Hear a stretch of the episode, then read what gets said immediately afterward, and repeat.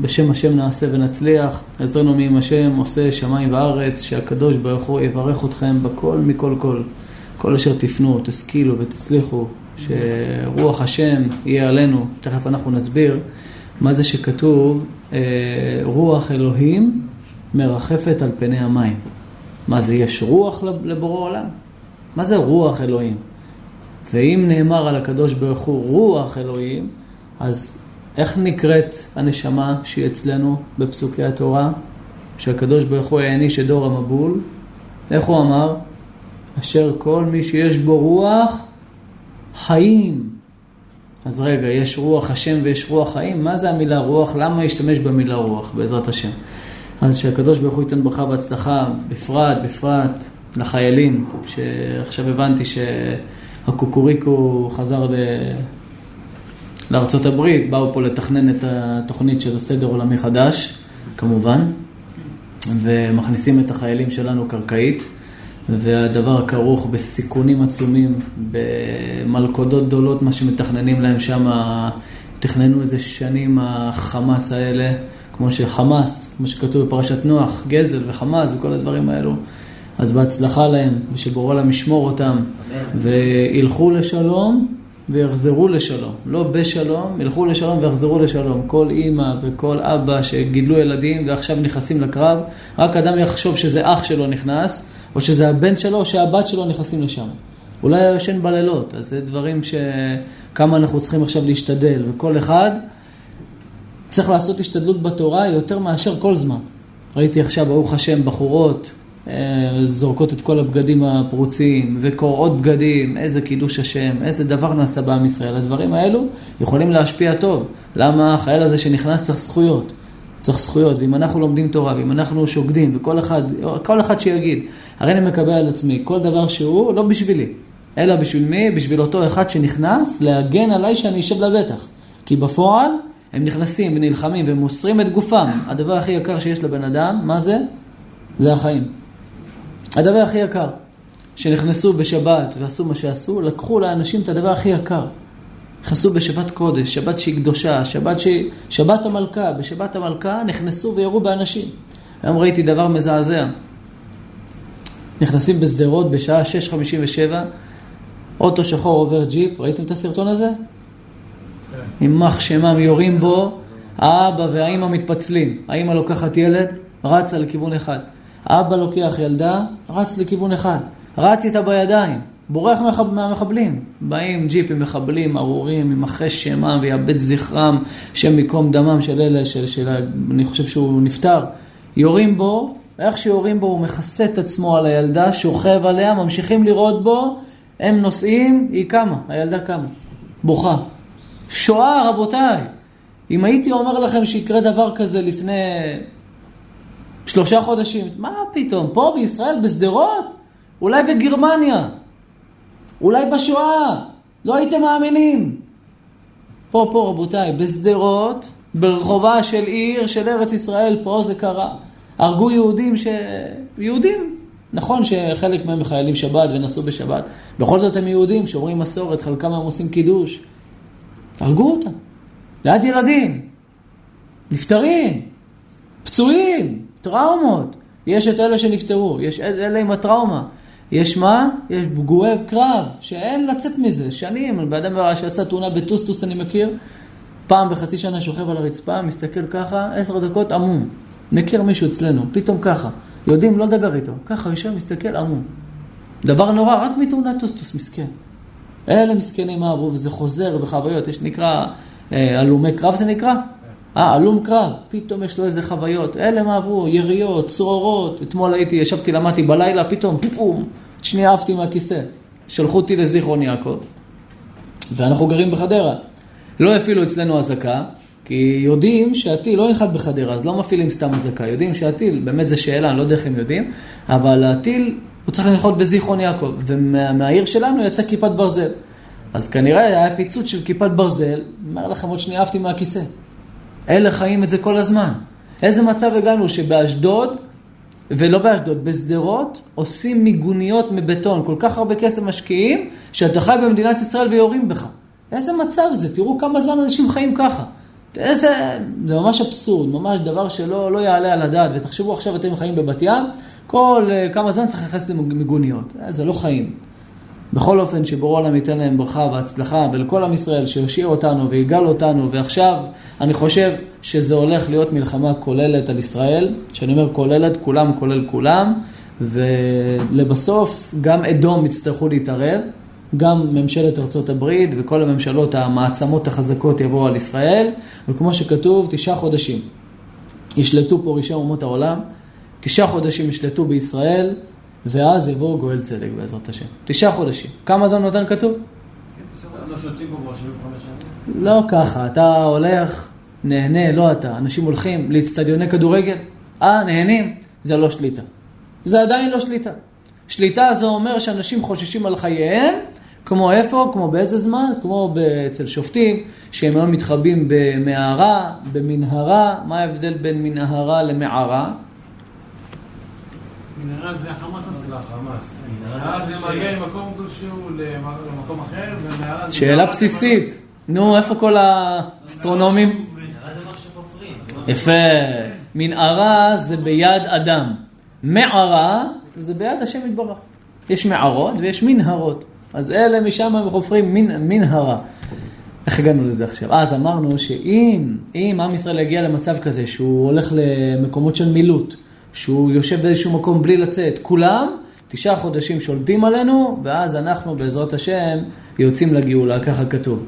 ויהי רצון שהקדוש ברוך הוא יאבד את כל אויבי ישראל ולא נגיע למצב הזה ויחמול עלינו השם יתברך וייתן לנו רחמים מן השמיים כמו שאומר אור החיים הקדוש ש"וחי אחיך עמך" שזה ייקרא עלינו שאף על פי שאין לנו כלום, לא מצוות, אין לנו שום דבר, והפוך, כמה עוונות יש לנו, וזה לא קטרוג, זה האמת, יש לנו מלא עוונות, מלאים עבירות אנחנו, מלאים. אנחנו צריכים חמלה מהשם יתברך, שהקדוש ברוך הוא יחמול עלינו, אמן כן יהי רצון. אז כתוב, במזמור הזה אומר דוד המלך מזמור קר, קו, קו, עם קוב. תפילה לעני כי יעטוף. מי זה עני? מי זה עני? עם ישראל. כשדוד המלך אומר עני, זה לא על עצמו. תפילה לעני, עמך ישראל כי יעטוף, ולפני השם ישפוך שיחו. אדוני שמעה תפילתי, ושוועתי אליך תבוא. אל תסתר פניך ממני ביום צר לי, יטה אלי אוזניך ביום אקרא, מהר ענני. כל זה על עם ישראל. אומר דוד המלך, מפני זעמך וקצפך, וקצפך, כי נשאתני ותשליכני. למה לא אמר, מפני זעמך וקצפך, תשליכני? למה אמר, מפני זעמך וקצפך, כי נשאתני ותשליכני. למה השתמש במושג של נשאתני? אז יש בדבר הזה שתי פירושים. פירוש אחד זה שמי שהולך בדרכים לא טובות, אז אתה רואה שהוא גבוה, והוא עולה, והוא מצליח, והנפילה שלו איך תהיה? בום, בבת אחת.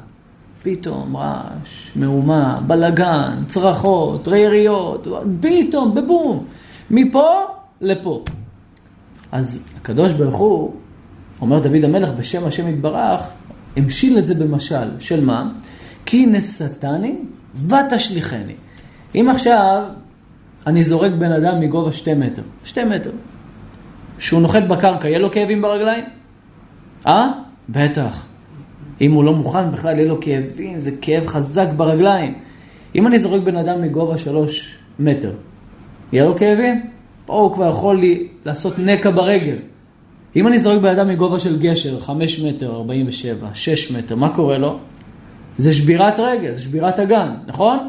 למה זה קורה?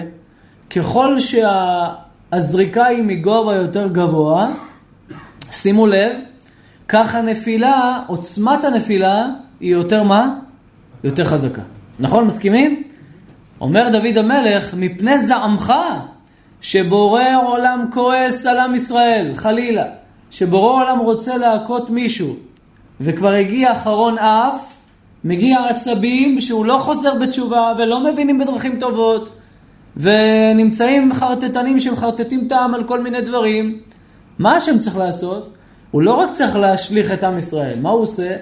מגביה אותם, מגביה אותם, מגביה אותם, מגביה אותם, וזורק אותם מהמקום הכי גבוה שיש, והם נופלים. שמים, שמתם לב מה הולך פה? זאת אומרת, הוא לא זורק אותנו מגשר חלילה של 5-6 מטר.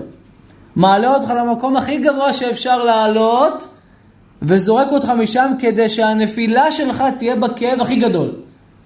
עכשיו, את מה זה שובר, רבותיי? יש דבר שנקרא כוח משיכה. מה זה כוח משיכה? יש את הסמל של הבונים החופשיים והאילומינטי, שבעצם זה מחוגה שהיא פתוחה. בסדר? מחוגה שהיא פתוחה. והיושב על חוג הארץ כתוב, חוג, איך, איך משתמשים איתו תמיד? צד אחד באמצע, והשני עושה סיבוב. הג'י שכתוב להם שמה, זה לא אה, שם השם. מה זה ג'י? גרביטציה. מה זה גרביטציה? שימו לב, זה תיאוריה. זה תיאוריה שבה עצמים, גופים, גזים ואוויר נמשכים לארץ. לא מצד עצמם, אלא מצד כוח שמושך. זאת אומרת, יש כוח באדמה למשוך אליו עצמים, אוויר, כל מיני דברים. קודם כל, יש מלא הפרחות לזה. אחת מן ההפרחות לזה היא שאם אתה טוען שאנשים נמש... הולכים בארץ כי הם נמשכים אליה, למה ציפור לא נמשכת? ואם אתה טוען, לא, היא משתמשת. בכוח התנועה, נכון? אז איך תסבירו לי שספינה בארצות הברית, שהיא נמצאת בצד הפוך, לא בארצות הברית, באוסטרליה, שהיא נמצאת כלפי מטה, בתפוח שלכם, איך זה לא נופל? לא, יש כוח משיכה. רגע, כמה ספינה שוקלת? 200 טון. אז איך ציפור באותו זמן שמפעילה בסך הכל 4 קילו, 3 קילו או 10 קילו, שעושה ככה, הרי אם הכוח מושך מסוגל למשוך 200 קילו, כדי שספינה לא תיפול, וזה כוח אחד, הוא אחיד, איך הוא פועל על המסה הזאת ככה ועל המסה הזאת ככה? לפי הרוח. אה? יש רוח, מעיפה את הרוח פשוט. בוא תשמע, בוא, תסתכל צדיק, תסתכל. יש לך תפוח להבין? הוא עדיין לא... כדור, לא, הוא יבין, הוא יבין. נגיד, זה המקום שאתה חי בו והוא צורת תפוח, בסדר? שים לב. זה הקדמה ככה על השיעור. חידוש שראיתי היום, אמרתי, חייב להגיד אותו. תפוח. עכשיו, אתה נמצא עם הראש הפוך, אני שם אותך עכשיו בתפוח, ואתה נמצא עם הרגליים צמודות לארץ, ואתה עכשיו עם הראש למטה, בסדר? עכשיו אתה תיפול אם אני אשים אותך ככה? כן. בוודאי, נכון? יופי. הם טוענים, למה אתה לא נופל? כי התפוח הזה, יש לו מגנטיות למשוך, מה השם שלך? אלדר. יש לו מגנטיות למשוך את הרגליים של אלדר, כמו תחשוב בסימולציה, כמה הם מושכים עכשיו? כמה הם מושכים? כמה אתה שוקל? 70? 90. בעזרת השם, תרזה קצת כמה קילואים. 90, בסדר? הם מושכים עכשיו 90 קילו. באותו זמן שהאדמה הזאת מושכת 90 קילו, היא אמורה למשוך את כל מה שמסביב, נכון? אז איך ציפור באותו זמן עף עלה בשמחה ובכיף? יש באוויר גם רוח, אז זה יכול... כמה הרוח הזאת כבר שוקלת? אה? כמה הרוח הזאת שוקלת? זבוב, כמה שוקל? כלום, למה הוא לא נמשך? אם יש, הרי מה הם טוענים? כוח משיכה זה כוח שנמצא באדמה והוא מושך עצמים אליו. בסדר? זה דבר זה לא ייתכן. לא יכול להיות דבר כזה בעולם. לכן, אין דבר כזה, דבר כוח שמושך. אלא מה יש? מה זה כוח כבידה? ובעצם איך דברים נופלים? מה תעשה עם בלון הליום? למה בלון הליום כן עולה? אם יש כוח שמושך הכל, צריך להימשך. אתה יודע מה הם אומרים? הרי מה הם טוענים? שאחרי כמה קילומטר, לא יודע, 60-70 קילומטר תעשו לי, אחרי כמה 60-70 קילומטר, אתה יוצא מהאטמוספירה, אתה יוצא לחלל. אוקיי, בסדר. איך הוואקום לא מושך את כל האוויר שיש פה? דבר שני, למה האוויר לא יוצא לתוך החלל? למה כל מה שאנחנו נושמים, החלל לא לוקח אותו? שמגנה, לא? לא, אתה יודע מה הם טוענים? הם אומרים שכדור הארץ הוא מושך גם את הגזים שנמצאים באטמוספירה. אני אקריא לך את זה, זה אני כותב את זה בקונטרס של הארץ השטוחה. אז הוא אומר ככה, לאמיתו של דבר המושג חלל הוא אחד מן השקרים הבולטים ששיקרו לנו אומות העולם על קיומו. ומה טענתם? שכאשר יוצאים מן האטמוספירה, שלפי טענתם מושג זה הוא שם כולל למעטפת גזים שמקיפה כוכב לכת או כל גוף שמימי, בעל מסה משמעותית. ואם תשאל כיצד נמשכים אותם הגזים דווקא לאותו גוף, טענתם שהגזים, שימו לב, גז, נמשך, זה מה שכתוב בוויקיפדיה, זה מה שאנשים מאמינים, שהגזים נמשכים אל גוף הארץ בגלל כוח המשיכה שלו. זאת אומרת, בד בבד שאפשר למשוך גז, אי אפשר למשוך ציפור. שים לב, ואי אפשר למשוך עוד כל מיני גופים שנמצאים באוויר. ומעטפת הגזים הזו היא זו שמפרידה בין החלל החיצון לבין השמיים שנמצאים מתחת לאטמוספירה. ומהו חלל חיצון? הוא מקום שמצוי בוואקום חזק שנקרא ריק. אנחנו יודעים איך גופים מתנהגים שמוציאים מהם, מהם אוויר ויש ואקום. ראיתם פעם איך הם מתנהגים? בום, נמחצים, אי אפשר לחיות שם. למה? איפה שאין אוויר, איפה שיש ואקום, אין חיים. אי אפשר לחיות. עכשיו, איך הגענו לזה? שימו לב, מה מגלה לנו דוד המלך? מפני זעמך וקצפך כי נשאתני ותשליכני. נו, נו, לאן אני מוביל אתכם? לאן אני מוביל אתכם? מה זה עכשיו קשור? איך אני מפריך לכם את הדבר הזה שנקרא חלל? ואיך אני מפריך לכם את הדבר שנקרא כוח משיכה? אז אין דבר כזה חלל? אין. יש כיפת רקיע שסוגרת, אי אפשר לעבור אותה. ומה רקיע, מה יש? מים. אתה חי בתוך אקווריום, של מים. אומר, אומר הרד"ק, כי נשאתני ותשליכני. שימו לב, כי הרוצה להפיל דבר בארץ, נושא אותו למעלה ומפיל אותו בחוזקה. וכן השליך משמיים הארץ, כי כל מה שמגביה אותו, היא המפלה יותר חזקה. זאת אומרת, אין אפשרות ומושג כזה בעולם שאתה תעלה ולא תיפול. כי נשאתני ותשליכני. אין חלל. אין דבר כזה שאין כוח משיכה? אין דבר כזה כוח משיכה, ומה יש כן? צפיפות החומר. מה זה צפיפות החומר? אם, אם יש דבר שהוא יותר כבד מהאוויר, הוא נופל. אם יש דבר שיותר קל מהאוויר, הוא עולה. לכן בלון, שים בו אוויר, מה הוא יהיה? בלון בלי הליום. מה הוא יהיה? לפה ולפה. נכון? בסופו של דבר הוא ייפול. למה הוא ייפול? פשוט ביותר. למה הוא נופל? כי זה כמו אוויר רגיל. לא. אז למה, אם הוא אוויר רגיל, למה הוא לא נשאר באותו מקום? כי יש לו את הכובד של הבלון, של החתיכת ניילון. הבנת? יופי. אז תנפח בלון, תעשה, זרוק אותו, ייקח לו זמן לרדת. למה? כי אין משהו שמושך. החומר שלו הוא יותר צפוף מהאוויר בטיפה, לכן הוא יורד, הבלון יורד לאט. אם תבלה בלון עם מים טיפה, זרוק אותו, איך הוא ירד? אה, איך אנחנו היינו עושים פעם, מנפחים, שמים מים, עף הבלון, נכון? יורד בשניות, למה? כי הוספת בו מים. הגרמים עלו, כראיתם יותר כבדים מהאוויר. פשוט יותר כבדים מהאוויר וזה נופל. בלון הליום למה עולה? למה עולה? איך הם משתמשים? מה הנוסחה בבלון הליום? לא, מה הנוסחה שאת רוצה נגיד להרים קילו? כמה את צריכה ליטר של, אה, של הליום? אני חקרתי את הנושא הזה. נגיד אתה, מה, כמה אתה שוקל? 90. כדי להרים אותך בבלון הליום, כמה אני צריך? על כל ליטר הליום הוא יכול להרים גרם אחד. ליטר הליום, גרם אחד. כשאתם מגיעים לחנות בלונים ואתם רואים את הגז הגדול הזה עומד מולכם, כמה יש שם ליטר? 1,500. בסדר? שתדעו, 1,500 ליטר. זאת אומרת, כדי להרים 15 קילו חפץ באוויר, מה אני צריך? כמה ליטר של הליום? 1,500. נכון? כמה אני צריך?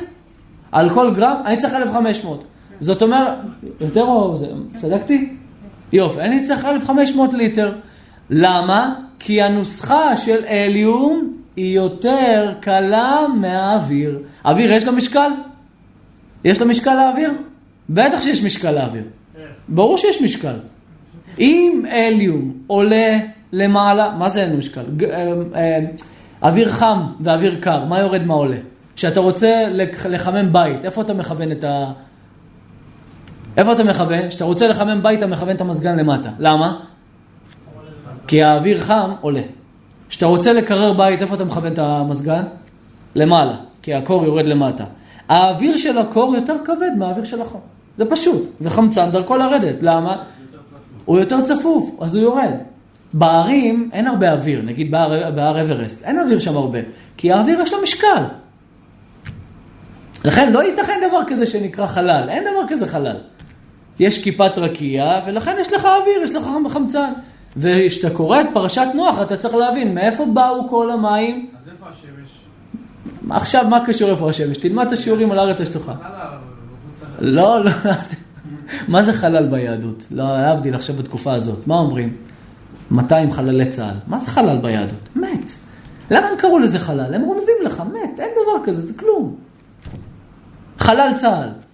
מת, חייל שלנו, עליו השלום. כי חלל זה מת, הם תמיד רומזים לך. הם חייבים להגיד לך את האמת באיזה מצב. כבר בחדשות דיברו, לא מעט אנשים מודים שהארץ היא שטוחה. ראיתם את זה? לא מעט אנשים יודעים, והם לא רציונליים, לא חכמים. לא רציונליים, לא. לחשוב שאתה מסתובב במהירות 1675 קילומטר בשעה, ולחשוב שספינה עומדת הפוך באוסטרליה, שאין לכם תמונה אחת אותנטית, שמישהו עומד הפוך, זה להיות רציונלי? זה להיות, להיות דיסוננס קוגנטיבי. מה שאחרים אומרים, אני מושפע ממה שאחרים אומרים, וזה בעצם כל הדבר. עכשיו אני לא אלמד אותך את כל הזה, כי אה, נתתי לכם ככה מתנה כזאת, כי התחלתי חמש דקות לפני הזמן. מעניין?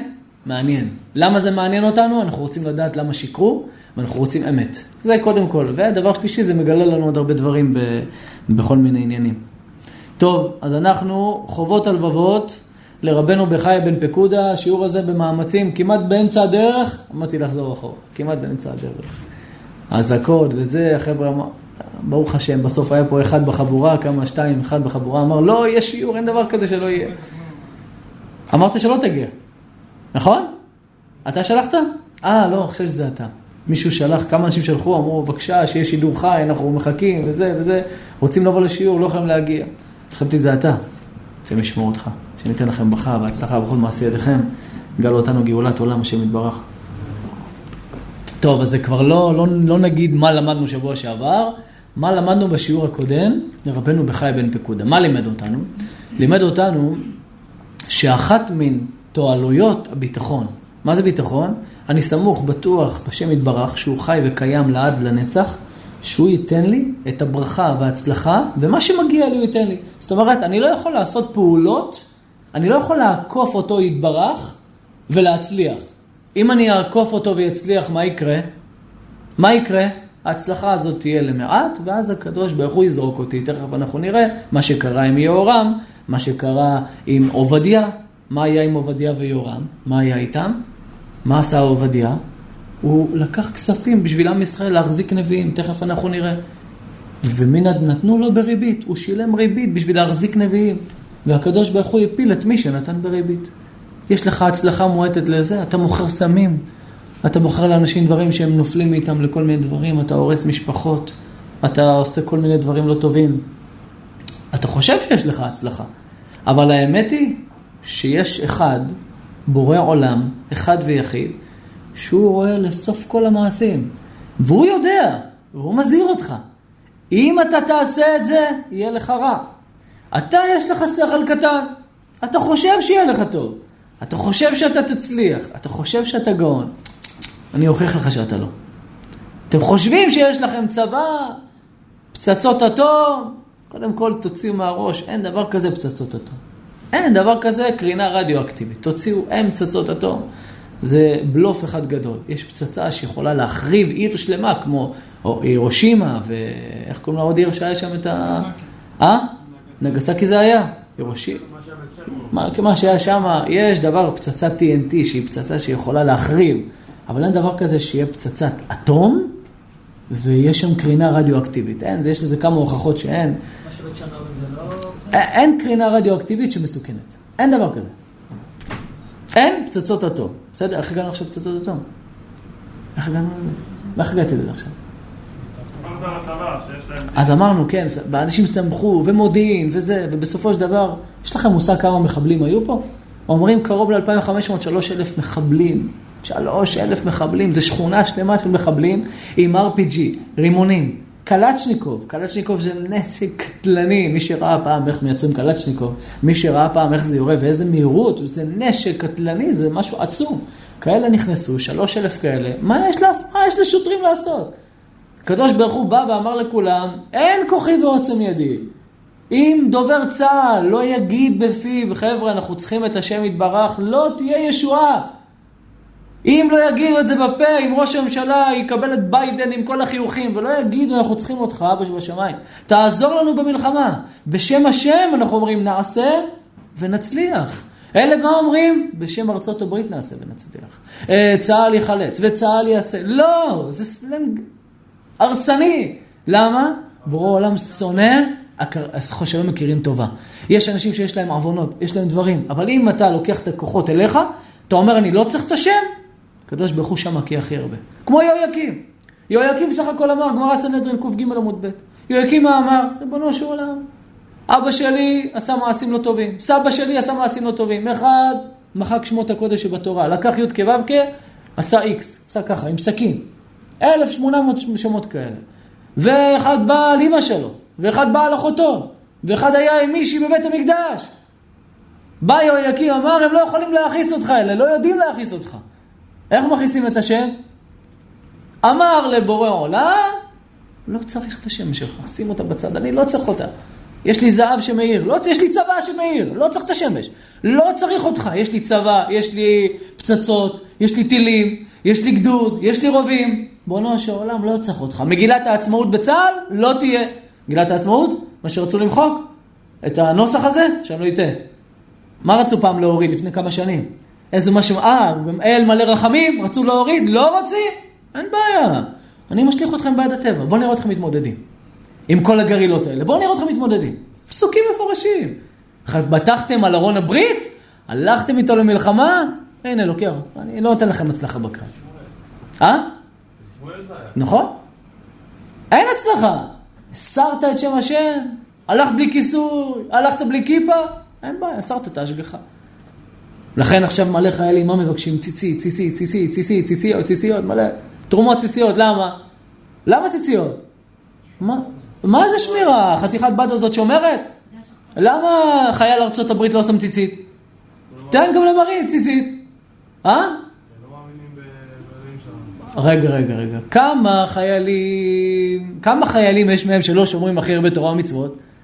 נכון, לא שומרים הרבה תורה, אבל מה הם רוצים ציצית? למה? הם מבינים שקיים בורא עולם, יש תורה, והגיע הזמן עכשיו לקיים אותה בשעת סכנה. אני מבין. אלה החיילים בדרג הנמוך. אבל אם הדרג הגבוה יתחיל לעשות את זה, ואם הראשים שבעם התחילו לחזור בתשובה ולהגיד, אין לנו שום דבר, לא יכולים, תעזור. יודע, מה זה? תנו לי לדבר. שתי דקות. שתי דקות תנו לי לדבר. בחדשות, תנו לי לדבר, לא בחדשות אצלהם, תנו לי לדבר. אני אומר, אני, במילים האלה אני אומר, חבר'ה, עזבו לחזור בשביל לחזור בתשובה, עזבו את זה עכשיו. קודם כל, אנחנו לא יכולים לעשות כלום בלי, בלעדיך. דבר שני, כל מה שבא עלינו בגלל עוונותינו, דבר שלישי, מתחייבים לחזור בתשובה. הדבר הראשון אבל, מה צריך להגיד? אין לנו כוח להילחם. אין לנו מלך עוזר ומושיע אלא מי? אלא אתה. אתה איש מלחמות, אתה בעל גבורות, אתה עושה נפלאות. מי אנחנו? ומה אנחנו? אם לא יוצאים ככה לקרב, אין מצב להצלחה, המחילה מכבודכם. רק מה מזל שהחיילים, כמה סרטונים ראיתי, זה אומר בלי השם, זה, זה יכול להגן. למה? אמרת את שם השם. אה, יפה.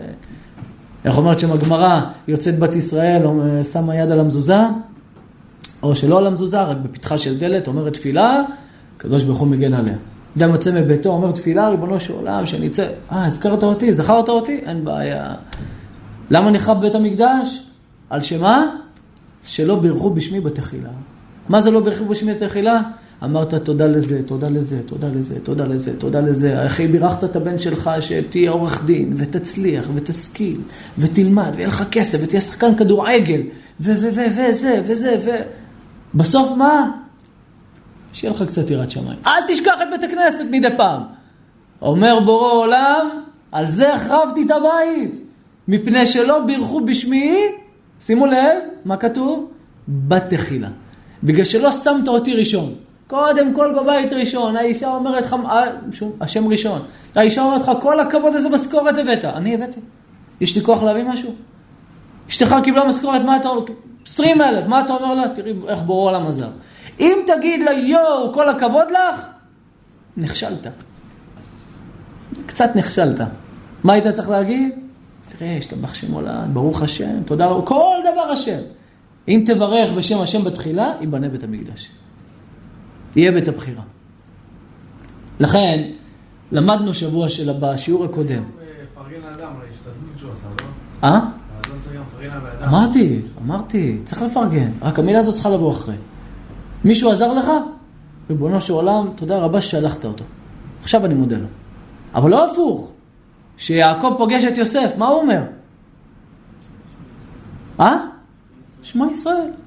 תודה רבה לשם, קודם כל. קודם כל תודה רבה לשם. אם אין תודה רבה לשם, תודה למנהל, תודה לזה, זה כישלון. אם אנשים לא מבינים את זה, תגיד לי, ראש הממשלה משבח ההוא, ארה"ב, טו, טו, טו, טו. איפה השם?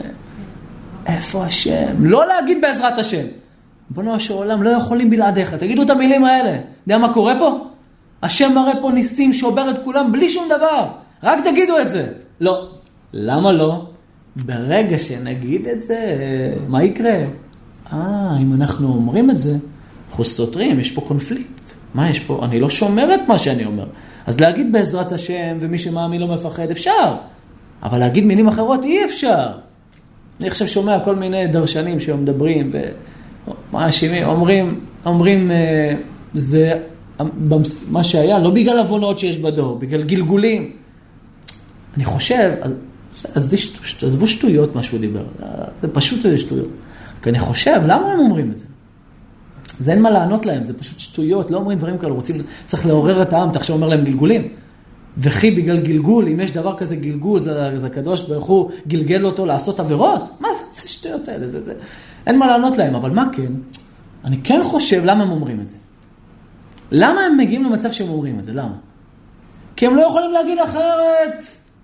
אם הם יגידו שזה בגלל עוונות, אז יהיה עליהם תביעה. למה אתה לא מוכיח? אז הוא חייב להשליך את זה בדבר אחר שאני לא קשור אליו. הוא לא יכול לסתור את עצמו. הוא יודע מה כתוב בנביאים, הם יודעים מה כתוב, שדבר כזה בא בגלל העוונות. והוא צריכתי לצלם את עצמי ושיצלמו אותי כדי להגיד את המסרים האלה. כי לא היה לנו שיעורים, אבל יודעים שזה בגלל עוונות. אבל הם לא יכולים להגיד את זה, כי... רגע, רגע, אם אני אגיד את זה, עד היום אני סותר את כל מה שאמרתי. זה סותר את הדרך שלי, זה סותר את הקו של הארגון שלי. זה סותר את מה שאני, העמותה שלי. אז אני, מה אני חייב להגיד? מה פתאום, זה לא בגלל עוונות. בגלל מה זה? איזה גלגולים, מה אנחנו מבינים בדברים האלו? אה, לא מבינים? תשארו כמו שאתם. אתם צריכים תמיד להבין מה עומד מאחורי המילים. מה עומד מאחורי המילים? לא סתם אומרים דברים. זה דברים שנאמרים בתחמנות. זה דברים שנאמרים בערמומיות. מה זה דלטורים? בלי נדר רוצים לעשות איזה שיעור שלם. מה זה שנחרב בית המקדש על לשון הרע? אתם יודעים מה זה לשון הרע? לא דיברו אחד על השני. לא הוכיחו את עם ישראל. אנחנו נוכיח את זה בעזרת השם. אנחנו נוכיח את זה. גם את זה לצערי עיוותו את הדבר הזה. לא הוכיחו, דלטוריה מה זה? זה לא לשון הרע. לשון הרע בעצם האמיתי זה חנופה. כי יש הבדל בתלמוד שכתוב מספרי לשון הרע בין לשון הרע. מה ההבדל מספרי לשון הרע? אלה שמוציאים אומרים מה עשית וזה אתה יוצא רע. אבל לשון הרע על ישראל זה אחד שלא מוכיח. לכן חנופה. מה זה חנופה? תח... תחלקו את המילה חן פה. חן פה. פה חן. למה? הוא רוצה מה להיות? הוא רוצה שתמצא חן על ידי הפה שלו. הוא רוצה שתמצא חן על ידי הפה. לכן חנופה זה חן פה. מה צריך להפוך את זה? למה צריך להפוך את זה? רק לקדוש ברוך הוא, כי אנחנו, הפנים הם רק אליו יתברך, ומי שנוהג ככה, ברכה והצלחה. זה על זה, בלי נדר, צריך לעשות איזה שיעור שלם. אני מכין שיעור בלי נדר מחר על זה, אני מקווה שאני אזכה לדרוש אותו. מה זה דילטור, דילטורים? זה תלמוד ירושלמי, מביא את זה, שאצל דוד המלך, כולם היו צדיקים, אבל בגלל דלטורים שהיו באותו דור, נפלו במלחמה. יפה, מה זה הלשון הרע? שלא הוכיחו. רגע, כי אם תגיד שיש שם אנשים, שים לב, כי אם תגיד שיש שם אנשים שמדברים לשון הרע, דבר ראשון, איך, איך, איך הצדיקים לא הוכיחו? דבר שני, לא, זה לא הם, צריך, זה שתי קבוצות, לא, לא כמו שכתב, לא שכתבו המפרשים. זה שתי קבוצות, יש דלטורים ויש uh, צדיקים. אבל אם תגיד שדלטורים אנשים שדברים לשון הרע וזה מפורסם, למה אתם לא מוכיחים, הצדיקים שבדור? אלא מה? זה אנשים עם זקנים, עם פאות, עם הכל. שהם לא נראים כאנשים שמחניפים, הם מבליעים את זה. אבל מה, בתוך ליבם הם היו מחניפים, לכן נפלו במלחמה. זה מהלך עצום, זה מסתעף למין... תקשיב, זה מסתעף לאולי 15-20 מקורות שבלי נדר מחר אני אלמד את זה איתכם בלי נדר. הלוואי אולי נעשה את זה פה, נעשה שתי שיעורים רצופים. אם אני אעשה את זה פה, אתם תבואו בלי נדר מחר? כן. בלי נדר. מה אתה אומר? בדיוק זה המהלך שגם את זה לא הבינו. בדור של אחאב מה היה? בגלל, למה הצליחו? בגלל שלא דיברו לשון הרע על הנביאים, נכון? למה? מה זה הוכיחו? למה, איפה הנביאים ישבו? איפה הנביאים ישבו? במערות. למה ישבו במנורות ובמנהרות? ממה? כי הם לא רצו להחניף. בגלל שהם לא החניפו, השם הציל אותם. בטח שמעת, עד היום גם אני, אבל איך ששלחו לי את התלמוד הזה, אמרתי, רגע, רגע, רגע, מה הולך פה? המפרשים לא חילקו את זה לשתי קבוצות. הלשון מוכיחה שיש כאן שתי קבוצות. ואז נפל כל הדבר הזה. נפל פור הגורל. מהלך עצום, רבותיי, זה הולך להיות, זה הולך לזעזע את עם ישראל הדבר הזה. זה הולך לזעזע כפשוטו את עם ישראל. את כל המהלכים של כולם. הכולם. זה גם מפרשים של 50 ו-100 שנה. זה בזכותו, בזכות אשר ססי, ככה התחלנו את המהלך הזה. אבל אני לא לא יכול להביא את זה פה, כי זה מהלך של שעה, שעה ורבע זה, וגם בתמצות, בעזרת השם. תורה שלנו, אבל כמה שאתה מכוון לאמת, ואתה מבקש את האמת, אתה רואה את הדברים אחר, כי אתה שואל את עצמך שאלה, ריבונו של עולם, לשון הרע שקול כנגד עבודה זרה? שפיכות דמים? גילוי עריות? איך זה יכול להיות? בסדר, אז מה זה לשון הרע? לשון הרע זה לא הוצאת שם רע, מה זה לשון הרע? יש להוציא שם רע ויש לשון הרע. מה זה לשון הרע? לספר אמת שהיא מלוכלכת. אתה ראית בן אדם שעשה דבר רע, אבל סיפרת אמת. לא הוצאת עליו שם רע, אמרת אמת מה שהוא עשה, הוצאת אותו לא בסדר.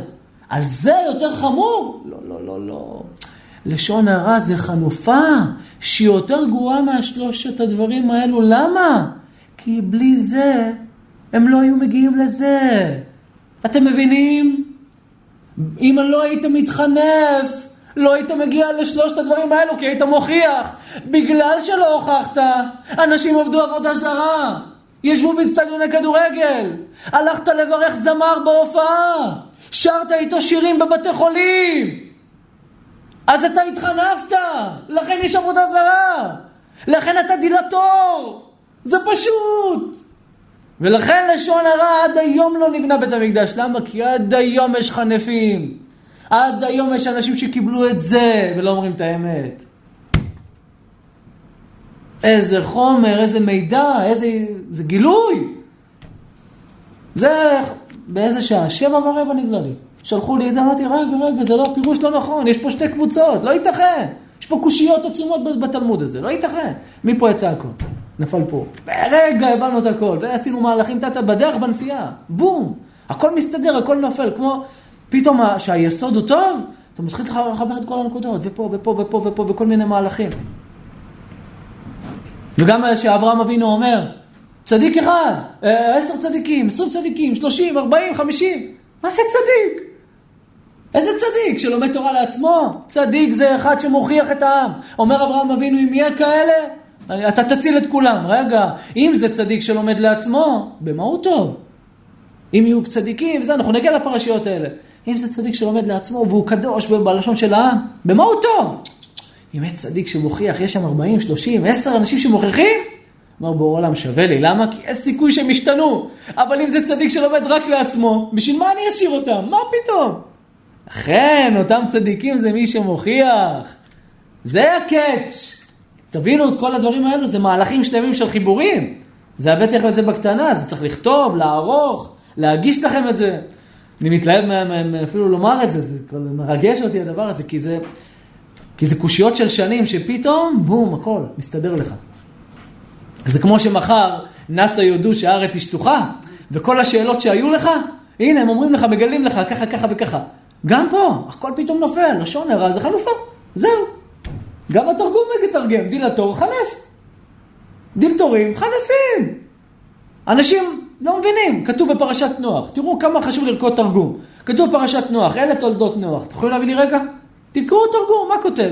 אלה שאומרים שנוח לא היה נחשב כלום. תראו מה כותב על ההתחלה מזה הנוח. כן, מתן. אז איך בשערי תשובה יש... אה, הוא מביא ארבע כיתות. ספרי לשון, יש את הלשון הרע ויש את החנפות. לא, תסתכל, תקשיב. ואמרתי שיש הבדל קודם כל בין לשון הרע ולמספר לשון הרע. ואל תשווה לשון של ראשון, שאצלו לשון הרע זה כבר לשון הרע ממש, לתלמוד. יש הבדל, שהתלמוד... לא, איך הם הגיעו לזה, כאילו? שמה? איך הראשונים הגיעו לזה? הראשונים, כי כתוב בתלמוד על הלשון הרע, אה, חץ אה, שחות לשונם יחליקון, וכל הדברים שיש על לשון הרע ממש, של מספרי לשון הרע. רק אתה צריך להבדיל, יש שתי קטגוריות, יש לשון הרע, זה אחד שמחניף, מה גורם בחנופה? הלשון הרעה שלו שמחניפה היא שמחריבה. אז זה כמו שאומר ברבנו יונה. כן? יפה, בדיוק. שימו לב, אלה תולדות נוח. מותר לקרוא פסוק בעל פה? אסור. יא יא, אבל יש פעם מפרשים שאומרים שאם אין לך איך לקרוא ואתה נמצא במקום, מותר, אה? דרך דרשה מותר. אלה תולדות נוח, נוח, איש, צדיק, תמים היה בדורותיו, את האלוהים יתהלך נוח. אז יש אומרים, יתהלך נוח, יש אומרים, כל המילים האלה הם לגנאי. למה? היה צריך לסעדו, היה צריך לתומכו, וכל מיני פירושים. אבל יש לנו תרגום יונתן, מי זה יונתן? אה, תרגום אה, אונקלוס במקום, מי זה אונקלוס? מי זה אונקלוס? גר, תנא. תשמעו מה אומר. אילם תולדת נוח, נוח גבר זכאי, שלי מבא בדרועי, בדחלתה, דה אדוני אליך נוח. שימו לב, מפרש את המילים, את האלוהים יתהלך נוח, מה זה המילים האלו? בפחד הלך את השם. נוח פחד, היה ירא חטא ויראת שמיים. זה מי שהיה נוח, היה צדיק גמור. וגם אם היה בדורו של אברהם אבינו, היה פי מאה או יותר פי אלף יותר ממנו. זה הפירוש הנכון. למה? כי אם הוא פחד בדור שלו במצב שכולם עושים עבירות, זה אומר שהיראת שמיים של נוח הייתה, או, והמים תבוא ותקשה לי על סוף מעשיו, מה שקרה איתו, זה לא ראייה. כי אם היית, אם זה ראייה כל כך גדולה, למה השם הזכיר אותו לטובה בהתחלה? משמע שסוף דבריו אינם קשורים לרשע. בכלל לא קשור, אז יש פה הפרדה טוטאלית. כן, מתן. מה אמרת? לא, עשינו שבוע לימוד, אני וברן, אז זה מה שהוא אמר. זה מה על הפחד? לא. לא, על הסוף ש- אינו. מה זה קשור לסוף שלו לעכשיו של השם צדיק? הרי אם הוא לא היה צדיק, ברור העולם לא מזכיר את זה, כי ברור העולם יודע מה יהיה בסוף. בדיוק. אז זאת אומרת שהסוף שלו לא קשור להתחלה. יש פה שתי קטגוריות שגם אותן צריך ללמוד. וזה שתרגום אונקלוס רואה לנכון לפרש, שההתהלכות לפני השם יתברך זה פחד, וזה לא התהלכות של איזה כאילו אני כלום, זה אומר שנוח היה לו יראת שמיים, פי מאה יותר מהרמב"ם, פי מיליון יותר מהרמב"ם, ופי מאה יותר טוב מאברהם אבינו יכול להיות. אז זה מי שדורש אותו לגנאי, עליהם השלום, גם חכמינו, אבל כשהתרגום מתרגם צריך לדעת שיש לזה משקל. ולכן, רבותיי היקרים, רבנו הסביר לנו, כשאני אומר רבנו זה רבנו בחיה, בן פקודה, אני לא צריך להגיד רבנו בחיה, זה ככה גם בספר, רבנו. אז שרבנו מסביר לנו שהביטחון נותן תועלת בעולם הזה. מה זה תועלת בעולם הזה? שאם לאדם לא יהיה ביטחון, מה יקרה לו? מה הוא יעשה? אם אין לו פה פרנסה, לאן הוא ילך? לאן הוא ילך? הוא לא נגיד מרוויח 7, 8, 9 אלף. לא כל כך מספיק לו, הוא לא נמצא במצב שאין לו כלום. לא נמצא במצב שאין לו מה לאכול. הוא אומר, תשמע, אני אלך לארה"ב, אני אעבוד שם. זה דרגת ביטחון או לא? לא. למה זה לא דרגת ביטחון? כי, רגע, הבורא נמצא רק בארצות הברית? הבורא, הבורא נותן שפע רק בארצות הברית? לא. הבורא משפיע שפע לכל העולם? נותן לכולם, בכל מקום יכול להיות לך פרנסה. אבל מי מגיע לזה? מי, איזה אדם מגיע לזה? מי שבוטח בשם יתברך, שהוא על זן, הוא מפרנס לכל, ושולחנו ערוך לכל, והתקין מחיה ומזון לכל בריאותיו אשר ברא. זאת אומרת, ומכיוון שמי שאינו בוטח בהשם יתברך, דבר זה יגרום לו לחשוב שפרנסה יכולה להימצאות במקום מן המקומות בעולם יותר ממקום אשר נמצא בו, או יותר ממקום אחר. לכן מה יקרה? אם לא יהיה לו את הביטחון הזה, הוא ילך בדרכים, והוא יסכן את עצמו, ויעשה כל מיני דברים. למה שבן אדם יסכן את החיים שלו בשביל פרנסה? אם הוא יודע שהשם יכול לפרנס אותו בדרכים אחרות. מי זה שנותן סמים לאנשים? מי זה שמלווה בריבית? מי זה שעושה עבירות בשביל להשיג פרנסה? מי שלא מבין שהשם יכול לפרנס אותו בדרכים מותרות. מה חסר לו? ביטחון. מה יבוא לו רע? יבוא לו רע בעולם הזה, מה? כתוב בתהילים, תודה רבה. כתוב בתהילים, מה אומר בתהילים? הנה בדרך כוחי, הנה בדרך כוחי, כי צר ימיי. זאת אומרת, יש, זה גם את זה צריך להבין, ניכנס לזה עכשיו לעומק, נבין למה רבנו בחייה אומר שהפיזיולוגיה, שהפיזיולוגיה והרקמות שבגוף יכלו בגלל הליכה בדרך. צריך להבין את זה לעומק. צריך להבין בעצם האם עומס גופני או האם יגיעה גופנית היא משפיעה על אורך חיים של הבן אדם. צריך להבין את הנקודה הזאת מאוד ולהבין האם הנפש היא שמביאה חולאים קיצור ימים לאדם או שהגוף הוא שמביא קיצור ימים וחולאים לאדם. מה גורם לבן אדם להיות חולה ומה גורם לבן אדם לקצר ימים? התנהגות הנפש שלו או התנהגות הגוף שלו? זאת אומרת, אדם שהולך בדרך, הולך, הולך, הולך, ומתייגע וסובל. ורבנו בחיי נותן הנחה שהוא יקצר ימים. מה קרה פה? בטבע, בטבע. הטבע גימטרי אלוהים. מה קרה פה? מה גרם למה? אתם מבינים מה אני אומר? התסכול מתורך הדרך הוריד את המשאבים שיש לגוף, או שהגוף, המעמסה של הגוף, הורידה בעצם את היכולת להפריש רעלים ולחדש את הרקמות, לחדש עצמות, ועל זה בא לו המוות. אם אני דברים עמוקים מדי, אני, אני אסביר אותם. זאת אומרת, אנחנו רוצים לחקור מה הבעיה פה, הנפש או הגוף. ובעצם נבוא לפה, לעניין, מאיפה כל החולאים בדור? מאיפה יש לבן אדם כל מיני מחלות?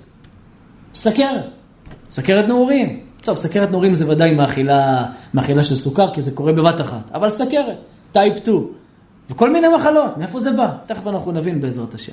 אז יש לנו מושג שאומר בתהילים, הנה בדרך כוחי, קיצר ימיי. עכשיו, לא כתוב איזה כוח, כוח נפשי, כוח גופני. בפשט של הדברים, הנה בדרך כוחי, הכוח הגופני יורד, שבאדם לא בוטח בשם יתברך, עובד קשה, עובד בעבודות לא כשרות, ועובד 14 שעות, ולא מפסיק לעבוד. הכוח של הגוף שלו יורד, ועל ידי זה חייו מתקצרים. כמו שאומר רבנו בחיה בן פקודה, נקריא את הדברים שלו.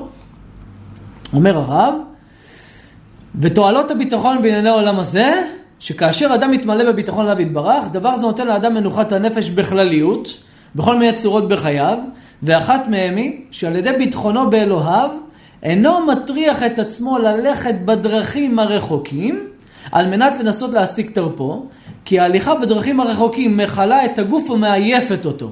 ולשון רבנו בחייה, וממהרת השלמת ימי החיים. זאת אומרת, על ידי שאדם ילך למרחקים, להביא פרנסתו, ילך למדבריות, היגיעה הזאת בגוף תגזור עליו בעצם, במקום לחיות 80-90 שנה, הוא יחיה 60 שנה, או 50 שנה. זה מוכח. מה הקושי שלי?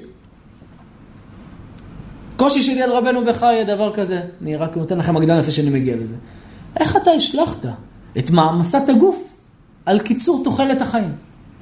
מה, השם לא קבע לבן אדם כמה יחיה? מה קשור זה לזה? מה אתה משליך? זה שהוא ילך הרבה והוא יקצר ימים. בגלל שהוא יהיה יגיע בדרכים, זהו, הוא ימות מהר. זה מה שרבנו בכי אומר. הוא ממהר את השלמת ימי החיים. אדם שעובד 14 שעות, במקום 8 שעות נורמטיבי, אומר רבנו בכי, האדם הזה יקצר ימים. הוא לא יחיה הרבה. המעמסה כביכול של הגוף, תשפיע עליו ויגמור לו את החיים. זה קושייה, בסדר? אני רוצה להמשיל לכם את הדברים במשל ונמשל. היה איזה עני אחד שלא בקושי היה לו פרנסה. ופעם בשבוע, פעם בשבועיים, היו מביאים לו מים לבית. מביאים לו מים. באים הביתה, מביאים לו מים, כמה מספיק לשבוע, שבועיים? 400 ליטר. באים, חבר'ה, נותנים לו 400 ליטר בבית. שנה, שנתיים, שלוש, ככה מביאים לו. ולאחר תקופה מסוימת התחיל בלגן, מצור. לא היה מים. הפסיקו לבוא לתת לו מים. אה, אין ברירה. מה צריך לעשות? הוא לא ידע מאיפה מביאים מים. אמר, כנראה פעם בשבוע, שבועיים מביאים, כנראה הם הולכים הליכה של שבועיים, לא היה לו כל כך שכל. הולכים להביא מים מרחקים, 40-50 קילומטר. אמר לי אשתו, תשמעי, אני הולך להביא מים. אמרתי לו, תראה, אתה לא רגיל ללכת בדרכים האלה. מה אתה הולך? למה אתה הולך? זה סכנה בשבילך. סכנת חיים, ליסטים בדרך, כל מיני חיות רעות. אתה לא רגיל, איך תביא גם את כל זה? מה, תלך כל הדרך, תחזור? אז אמר לו, מה נעשה? אמרתי לו, תראה, כתוב בתורה, מה כתוב בתורה? כתוב בתורה בעניין הבארות. למי הבארות? כמו שנאמר בתורה בעניין בארותיו של אברהם, יצחק ויעקב. והכל תלוי בברכה של האדם. והוא בשומעו דבר זה, לא האמין. וחשב שמביאים הכל ממעיין אחד מאיזו עיר מסוימת. הוא חשב שמשם בא השפע. ואמר שלא ייתכן שאדם יחפור באדמה וימצא מים נובעים בכל מקום. יש איזה מקום שמשם באים המים, אבל לא בכל מקום יהיה מים. עכשיו מה? ויצא לדרך כמה עשרות קילומטרים, להביא כמה ליטרים של מים. עבר תלאות, טורח הדרך, ודברים, וזה, וזה, ובסוף הביא את המים. אבל בא שבור, רצוץ, בקושי אכל, בקושי שתה, גמור, לא יכול לעשות כלום. בא לחצר, מה רואה? מעיין של מים, באר. הוא אומר לאשתו, מאיפה זה בא? אומרת לו, אמרתי לך, פשוט היינו חופרים פה בגינה. יש בארות, יש תאומות. בא, מים באים מלמעלה, ויש מים מלא למטה. מאיפה הצמחים ניזונים? לא רק מימי גשמים, גם תאומות במים. אה, שואבים, יש להם כוח לשאוב, כמו פתילה. אמרת לו, אישי, בעלי, זה מה שעשיתי. חפרתי, אני והילדים חפרנו, תראה, יש לנו מים. אמר, מה? למה לא הקשבת לי? אמרתי לך, אותו דבר. מה אתם נוסעים לחוץ לארץ להביא פרנסה? מה אתם נוסעים למקומות? מה אתה עובד עבודה קשה? מה אתה עובד עבודה שאתה צריך 14 שעות לעבוד בה, לשבור את הגוף, לשבור בלוקים? מה אתה, מה אתה עושה את זה? למה אתה עושה את זה? אתה לא צריך לעשות את זה. הכל כל יעקב. והידיים ידי עשיו. אתה יהודי, אתה מאמין בשם, אתה לא צריך לעשות את זה. אם השם נותן פרנסה פה, ייתן פרנסה פה. תעשה את ההשתדלות שלך. מה אנשים עושים? לא, אני אלך להביא משם, מארצות הברית, ואני אלך לשם. ורק לשבוע ייסע, ובסוף, שלושה חודשים צריך להישאר שם. ארבעה חודשים. אני לא מדבר מי שזה מתוקף תפקידו. מי שהעבודה שלו זה לטוס ולעשות את הדברים מתוקף, בסדר. אבל פתאום להעלות על דעת עצמך, לא, אני הולך לחפש הפרנסה בארצות הברית, פרנסה בגרמניה, פרנסה בזה, זה, פרנסה בסין, זה לא דרכה של תורה וזה לא דרך, אני לא אומר שזה אסור, שימו לב, זה לא אסור. רק אני אומר, זה לא דרגה של ביטחון. אני מכיר מישהו, תקשיבו טוב. הוא הלך לסין לעבוד שש שנים. אסף 700-800 אלף, הצליח, עשה כל מיני עסקים. בתקופת הקורונה, שרק יצאה הקורונה, מישהו פה זוכר כמה עלה מסכות? רק בהתחלה, זוכרים? עשר שקל יחידה גם אני קניתי, ואז טיפה התחיל לרדת שלוש בעשר. לא היה, לא היה יצור, אתם יודעים כל הבעלה שיצרו לנו עם הקוקורונה, זוכרים את זה? הבן אדם הזמין 400-500 אלף מסכות. אמר, אני הולך לעשות את העסקה של חיי. השקיע את כמעט כל מה שהוא הרוויח שם. תקשיבו טוב רבותיי. איך שהגיעה הסחורה, התחילו למכור את כל המסכות, אם אתם זוכרים. אה, כבר התחילו לקמור 4 ב-10, 3, לא 4 ב-10, 3, 4 בשקל, 2 בשקל, ואז מה זה נהיה? 15 שקל, חבילה כזאת שלמה. רבותיי, מסכן. נפל נפילה גדולה. פתאום כל הסחורה שהוא תכנן שהיא תעלה מיליון, נגיד עלתה לו 300-400 אלף, מכר ב-4-5 מיליון, רצה עסקה של חייו, פתאום ראה שהוא צריך למכור את זה ב-50 אלף. אמר, כל מה שהרווחתי שם נפל. יגע, לריק יגעתי. סתם הלכתי. סתם נתתם כוחכם. כן. השקעתם מצלמות, שב"כ, מיגוניות, כל מה שבמלחמת יום כיפור לא מתו ביום אחד, ביום אחד הרגו. ביום אחד. כוחי ועוצם ידי יצא לי את החיל הזה, מה אתם חושבים? כמה אדם צריך לעשות חשבון נפש, זה פחד, אני אמרתי לתלמידים, זה יכול לקרות בכל מקום. הם מאיימים עכשיו מחיזבאללה, חמש אלף איש ייכנסו. וואי, רק באים רק לי עשר אלף איש. והם פי מאה יותר חזקים בגדר הטבע. וואי, וואי, מסכנים. מסכנים החיילים שעומדים על הגבול, וואי, וואי, הם בקו, בקו האש, וואי, וואי, איזה פחד. בגדר הטבע הם לא יותר מאיתנו במספר. לא, לא בכוח. רן, הם אני לא... רוצה להסביר לך משהו. רוצה להסביר לך משהו. לא. אני רוצה להסביר לך משהו, אני רוצה להסביר לך משהו. עזוב את, ההתקפה שלנו. אני מדבר מבחינה הגנתית, בסדר? 10,000, 15,000 טילים. כל 10 שעות. מה אתה חושב שיקרה פה? אה. אני מדבר אני עכשיו במשך שבוע שלם, לפני שמצליחים להדוף אותם ולעשות להם משהו, הולך להיות פה 100,000 טילים. עכשיו, זה לא 500 טילים ביום, זה 10,000 טילים מדויקים, יהיה פה כאוס, אני לא יודע. אז אני מדבר מבחינה הגנתית, אין לנו דרך להתמודד. זה האמת, אין דרך להתמודד. אין לנו דרך להתמודד מולה. אם אתה מבין אחרת, תסביר לי, אני אשמח. מבחינה הגנתית, אי אפשר. בפרט לא בשבועיים שלוש הראשונות, ובפרט מאיראן, שיש להם, נגיד לחיזבאללה יש 200 אלף טילים, לאיראן יש 800 אלף טילים, ארוכי טווח. זו הממשלה שלנו מבחינה הגנתית, יומיים אין לבנון בכלל. בסדר, אבל שם מה אתה צריך לדעת, תבין. אם אתה, אם אתה מסתכל מהבחינה הזאת שאתה הולך על השמדה, מה אתה נכנס לבעיה? אם אתה משמיד אזרחים, אתה משמיד ילדים, מי נכנס לתמונה? ארצות הברית באה עליך. אתה חייב להבין את המשוואה הזאת, זאת אומרת, אם אתה הולך מהנקודת, אם אתה הולך מנקודת מבט שלי, אין לך הגנה, למה? כי אם אתה מפעיל את כל ההתקפה, אתה חוטף פי מיליון יותר התקפה. ארצות הברית אומר לך, אה, אה, אה, אתה התחלת לפגוע בילדים, בלי לשים לב, תירגע. אתה לא נרגע? אל תדאג, אנחנו נכנסים לפעולה. הבאנו שייטות בשביל מה? בשביל זה. רק בית חולים שהיה וזה היה מהם, מה עשו? ביידן אומר, בינתיים זה לא ישראל. זאת אומרת, אם זה היה ישראל. זה הבעיה, רן, שלא נותנים לך גם להגן, לא נותנים לך לתקוף. אז מהבחינה הזאת, צדיק, אתה בבעיה חמורה. אז מי יכול אם לא השם יתברך? כן. הייתה בעיה גדולה. בטח. אז אמר, כאשר חזרה, חזר לביתו, אמרה לו אשתו, מה כתוב? ויאמר אלוהים אל אברהם, אל ירע בעיניך, על הנער ועל אמתך. כל אשר תאמר אליך שרה, שמע בקולה. כי ביצחק יקרא לך זרע. אמר לבעלה צדקת, לא הייתי צריך למחכים. המים נמצאים בכל מקום בארץ כמו שאמרת. ואני בגלל שלא האמנתי לדברי התורה, לא האמנתי. וואי וואי, הלכתי, על זה נאמר, הלכו לחצוב להם בורות, בורות נשברים. אשר לא יכילו המים, תכף גם על זה אנחנו לעמוד. מה קשור המים, הבול, הכלי יקר כותב במקום, מה- למה הביא דווקא מים? והבאתי חידוש על זה, אשר לא יכילו המים.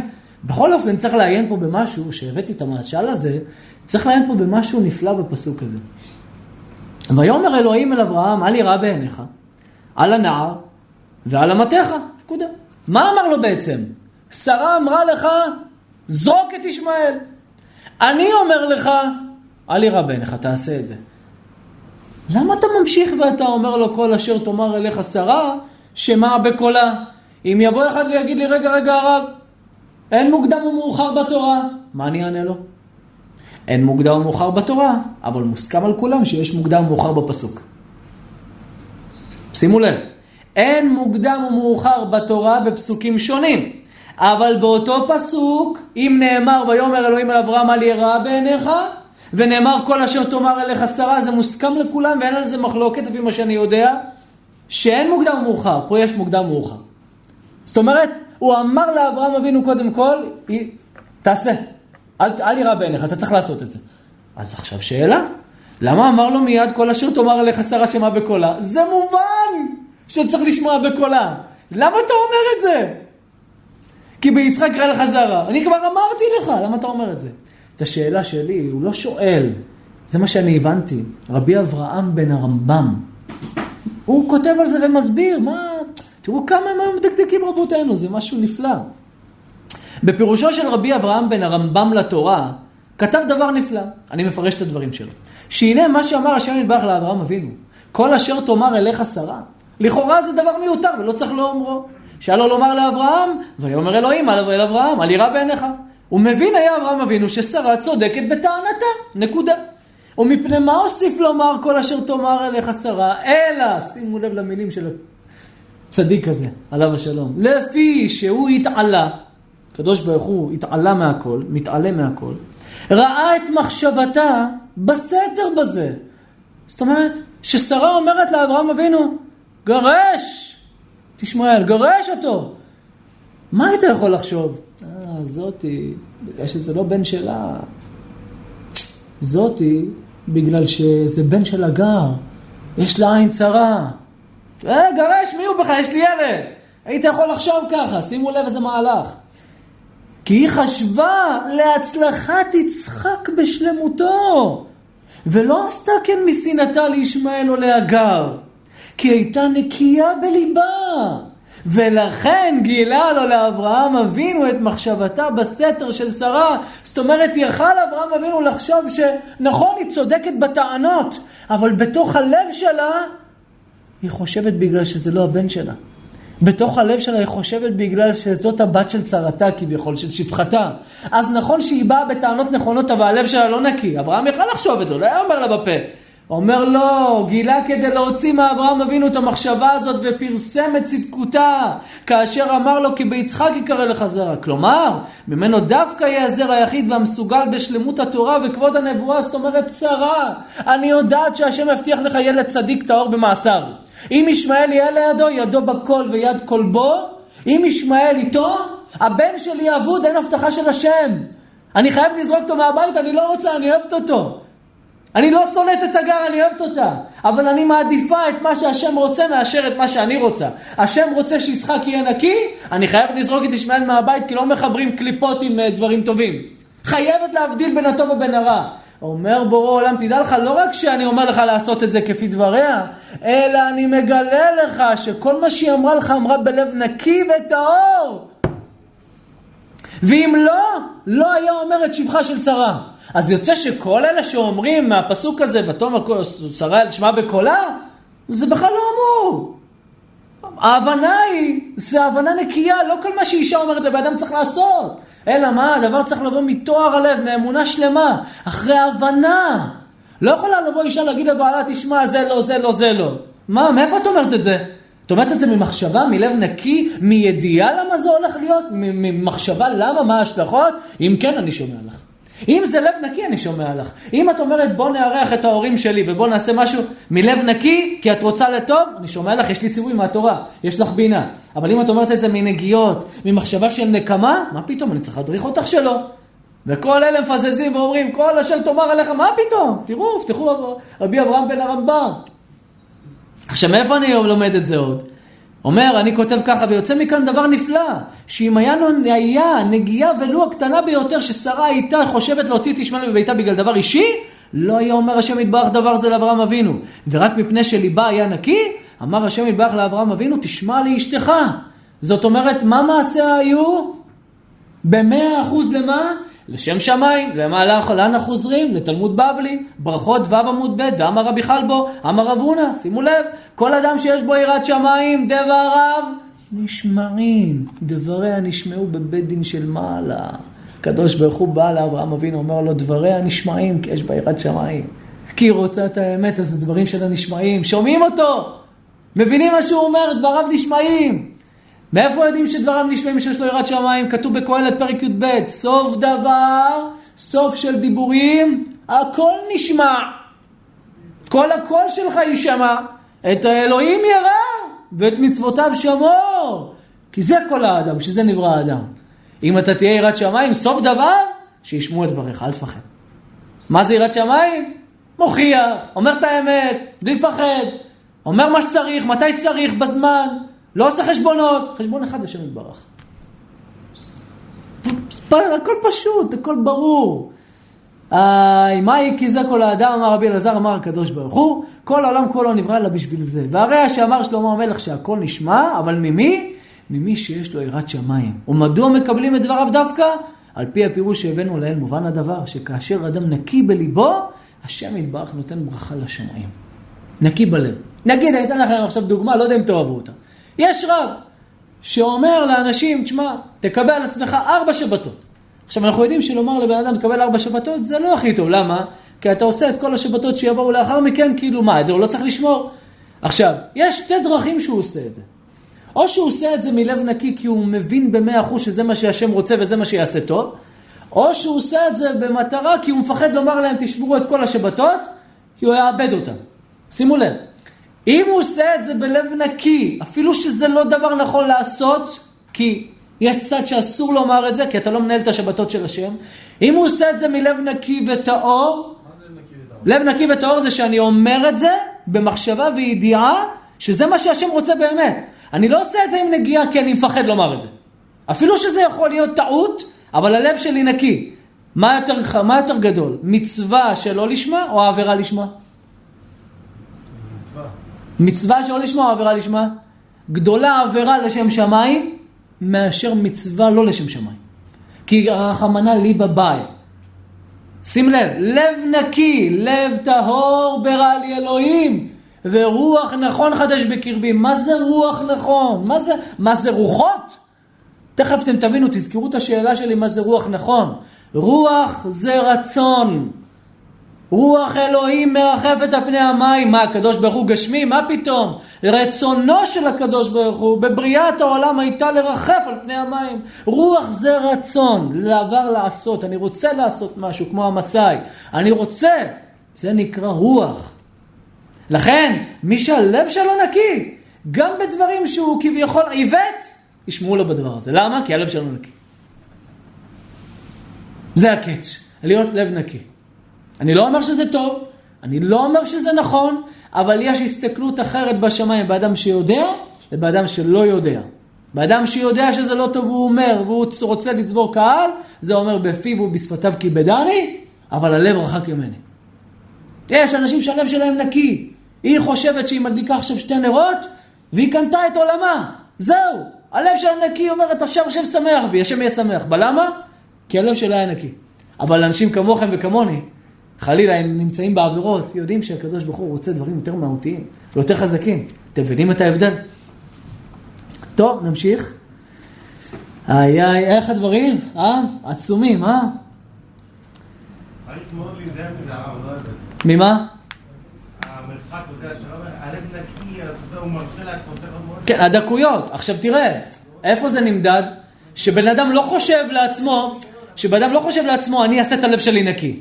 כי לב נקי, הוא לא חושב לעשות אותו נקי, הוא עושה את זה בתמימות. לכן, תמים, מה זה תמים? בתמימות, עושה דברים בתמימות. אבל מי שאומר, לא, אני עושה חשבונות ועכשיו אני אהיה לב נקי, זה לא. הבנת איזה יופי?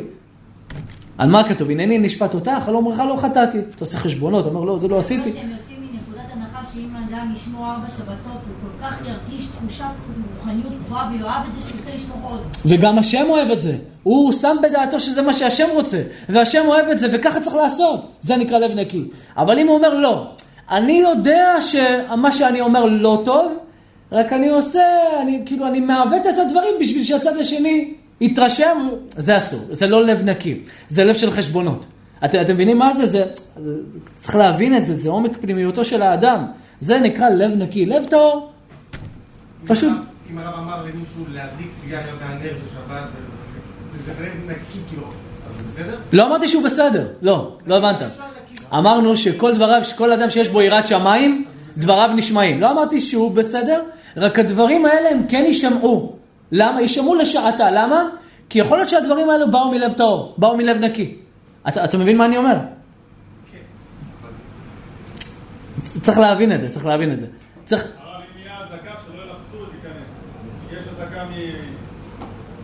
אוקיי, בסדר, אם יש אזעקה, אם אתם רוצים יכולים להישאר. למה אין פה אזעקה? כן. לא, אם יש בראשון, למה פה אין אזעקה? או שמאיפה אנחנו שומעים עכשיו? איך הם יודעים את הדקות הזאת שיפגע? ראשון מערב. בעזרת השם. לא, אה. אז כאילו מה שהרב אומר בעצם, שאם זה מהלב, טהור וזה, אז כאילו הוא עצמו, אותו האדם הזה שאמר את מה שאמר, הוא לא יענש על זה, כי הוא באמת חשב שזה נכון. כן, אבל אבל באופן כללי זה לא בסדר. בטח, צריך להזהיר, צריך להגיד שזה לא בסדר, צריך להוכיח אותו, צריך לבוא ולהסביר לו שמה שאמרת זה לא נכון. רק הוא, במחשבה שלו, לא עשיתי כלום. אתה מבין, זה כאילו כמו אדם שגר בחוץ לארץ, מה זה תינוק שנשבע על פי ההלכה? מה זה באמת תינוק שנשבע? כמו שהרב אמר, זה עבירה לשם שמיים. בדיוק, עבר לשם שמיים. אבל אם יש לו איזה נגיעה בלב, שעכשיו הוא אומר, לא, הוא מחר לא יבוא לשיעור שלי, מחר, נגמר. זה עבירה לגמרי, אין פה שום דבר, הלב, זה לב, זה לב לא נקי. לא לא גדר של עבירה לשם שמיים. לא, זה עבירה מה שהוא אמר לעשות. כי זה עבירה, ויש פה גדר שגם... אבל אבל זה לא גדר של... כמו נגיד שעשתה יעל, עבירה לשם שמיים. לא אותו גדר. אוקיי. נכון. אבל לומר את זה זה עבירה. גם האמירה בפה זה עבירה, כי אתה עכשיו עושה פה... אתה אומר לאנשים לעשות עבירה. הבנת? כן. כמו מעשה צלופחד. עושה עבירה. חילל שבת למה? הוא עשה חשבון. אני חלל שבת. יראו אותי, יראו אותי מת, נגמר הסיפור. בסדר? איזה בום היה, אה? יראו אותי מת, מה יקרה? כולם יתחזקו. היה מותר לו לעשות את זה? היה מותר לו או לא? היה אסור לו, אבל הוא עשה חשבון. אבל החשבון שלו היה מה? לכבוד הבורא יתברך, ריבונו של עולם, אני עושה את זה לכבודך. נגמר הסיפור. הקדוש ברוך הוא קיבל אותו. קיבל אותו לעולם הבא. למה? הלב שלך נקי, עשית עבירה, חיללת שבת. רצית לכבודי ובשמי, לא בשביל כבוד, לא בשביל קהל, לא בשביל עוצמה, לא בשביל כסף, רק בשבילך. זאת אומרת, נגיד, נגיד, אני אומר, נדבר על הארץ השטוחה. הלב שלי יודע שמאה אחוז מה שאני רוצה, דבר אחד, שבני אדם יתעוררו. אני יודע שאין בזה טעות, אם הייתי יודע, לא הייתי מדבר על זה. וחלילה מחר לא יהיה, אני לא אענש על זה, למה? אני רוצה לשם שמיים. חקרתי, בדקתי, ראיתי, אני רואה איזה ספר, שכתבו שמי שלומד תלמוד הוא בהמה, אז צריך לזרוק אותו לפח. אין פה מה לדבר. ואם זרקתי אותו לפח וחטאתי, אני לא אענש. למה? למה לא אענש? כי הלב שלי היה נקי, לא רציתי שידברו על בעלי התלמוד. אין דבר כזה להגיד על בעלי התלמוד, מי שלומד אותם הם נמשלים כבהמה. מי שכתב את זה, הולך לפח, אני לא רוצה ללמוד את הספרים האלה, זה אין גניזה גם, לא מעניין אותי. למה? אל תדברו ככה על בעלי התלמוד, כתבתם את זה. לא יודע צדקתם, לא צדקתם. לפי מה שאני מבין, הלב שלי נקי, אסור לקרוא בספרים שלכם. לא משנה איזה ספר, יבזה את בעלי התלמוד, יגיד עליהם שמי שלומד את הספרים שלהם הוא נמשל כבהמה, אסור ללמוד בספרים שלהם. הורקת שלהם. אה? עורקת שלהם. אסור ללמוד. לא פשוט, לא פשוט. אבל למה? יש שכל ישר. בעלי התלמוד יש להם את הקבלה האמיתית, למשה מסיני. דור אחרי דור, דור אחרי דור, דור אחרי דור. יבוא מישהו ויגיד שלא, יש משהו אחר, לא נקבל את דבריו. למה? יש לנו קבלה, קבלה אחת, הלכה למשה מסיני. כמו שאמרו חז"ל, אמרו חז"ל, אומר ככה. וכן אומר אברהם אבינו, מה אומר אברהם אבינו? זה להאמין בו, לבטוח בו, לעשות מצוותיו, ולשמוח מכל אשר בא לידיו. וזה מה שאברהם אבינו. אברהם אבינו, הקדוש ברוך הוא אומר לו, לך לך מארצך, נכון? אומר לו, הכל יהיה איתך טוב, הכל יהיה איתך בסדר, וזה, ותה, תה, תה, תה. הקדוש ברוך הוא מקיים את הצ'ק שהביא לו, לא? לא, לא, מה פתאום, לא קיים. הוא הלך, מגיע לבית מלון, אין לו כסף, הולך בדרכים, מה הוא עושה? מה הוא עושה? מקיף. מה זה מקיף? אני אהיה חייב לך. מתי תביא לי? עוד חודש, חודשיים, שלושה. שאני אחזור. מה זה? לא. אה. יש עכשיו הרבה סרטונים של שיעורים מכל מקום. בסדר, בדיוק אנחנו נדבר גם על זה היום, על עניינים שקשורים עליו. אה, אולי נשמיע, נשמיע פה? לא, לא. לא, סתם אני צוחק. שתהיי בריאה, חיים טובים, בעזרת השם. אז עכשיו אברהם אבינו הולך, בית מלון סוחר, בית מלון סוחר, בית מלון סוחר, מה הוא אומר? אני מקיף אצלכם, אני רושם אצלכם. איפה ההבטחה של השם? אברהם אבינו אמר לו, אני עושה את ההשתדלות שלי. אמר לי השם ללכת, זה מה שאני צריך לעשות. מה הוא נקרא? כל הלומד תורה, כל הלומד תורה מעוני, לא הייתם צריכים להגיד לי שנכשלתי. נכשלתי. איפה נכשלתי? אמרו חז"ל משנה אבות, פרק ד' משנה ט', רבי יונתן אומר, כל העת התורה מעוני, סופו לקיימה מאושר. כל ה... המקיים, ריבונו של עולם, שברתי את הראש היום, רבע שעה. מה, דקדקו, מה זה מקיים? למה לא אמרת לי לומד? מה זה קיום? אז מה קשור עוני עושר? מה קשור מה? לא, קיום זה ליישם. ללמוד אפשר ללמוד ולא ליישם. תשמעו טוב, איך הגעתי לזה? מאירי. עם הדברים של המאירי בבית הבחירה, אחד מהראשונים, הגעתי, רגע, רגע, רגע, יש פה איזה משהו, יש פה איזה קאץ' עצום עם אברהם אבינו עם כל המהלך. מה יש פה? תראו מה זה ביטחון בשם יתברך, תראו מה זה. רבי יונתן אומר, כל המקיים את התורה מעוני, סופו לקיימה מאושר. וכל המבטל את התורה מאושר, סופו לבטלה מעוני. עד היום מה הייתי רגיל? כל המקיים תורה מעוני זה אברך, לומד בכולל, משקיע את החיים שלו, 12 שעות לומד תורה, לומד בעניות, נמצא בעוני גדול. אחד כזה יבוא לאושר, מה שהייתי בטוח עד היום. רבותיי, לא מדובר בזה, איזה נחמה אני הולך לתת לכם. איזה אור אני הולך לשפוך פה, לא מה שלימדו אותנו. שים לב אליאל. רבים מן האנשים והדרשנים חושבים שמדובר כאן על לימוד בכל זמן משעות היום. שרק אדם כזה כאשר לומד את התורה ועמל בה, הוא זה אשר יזכה לאושר שיבוא מתוך עוני.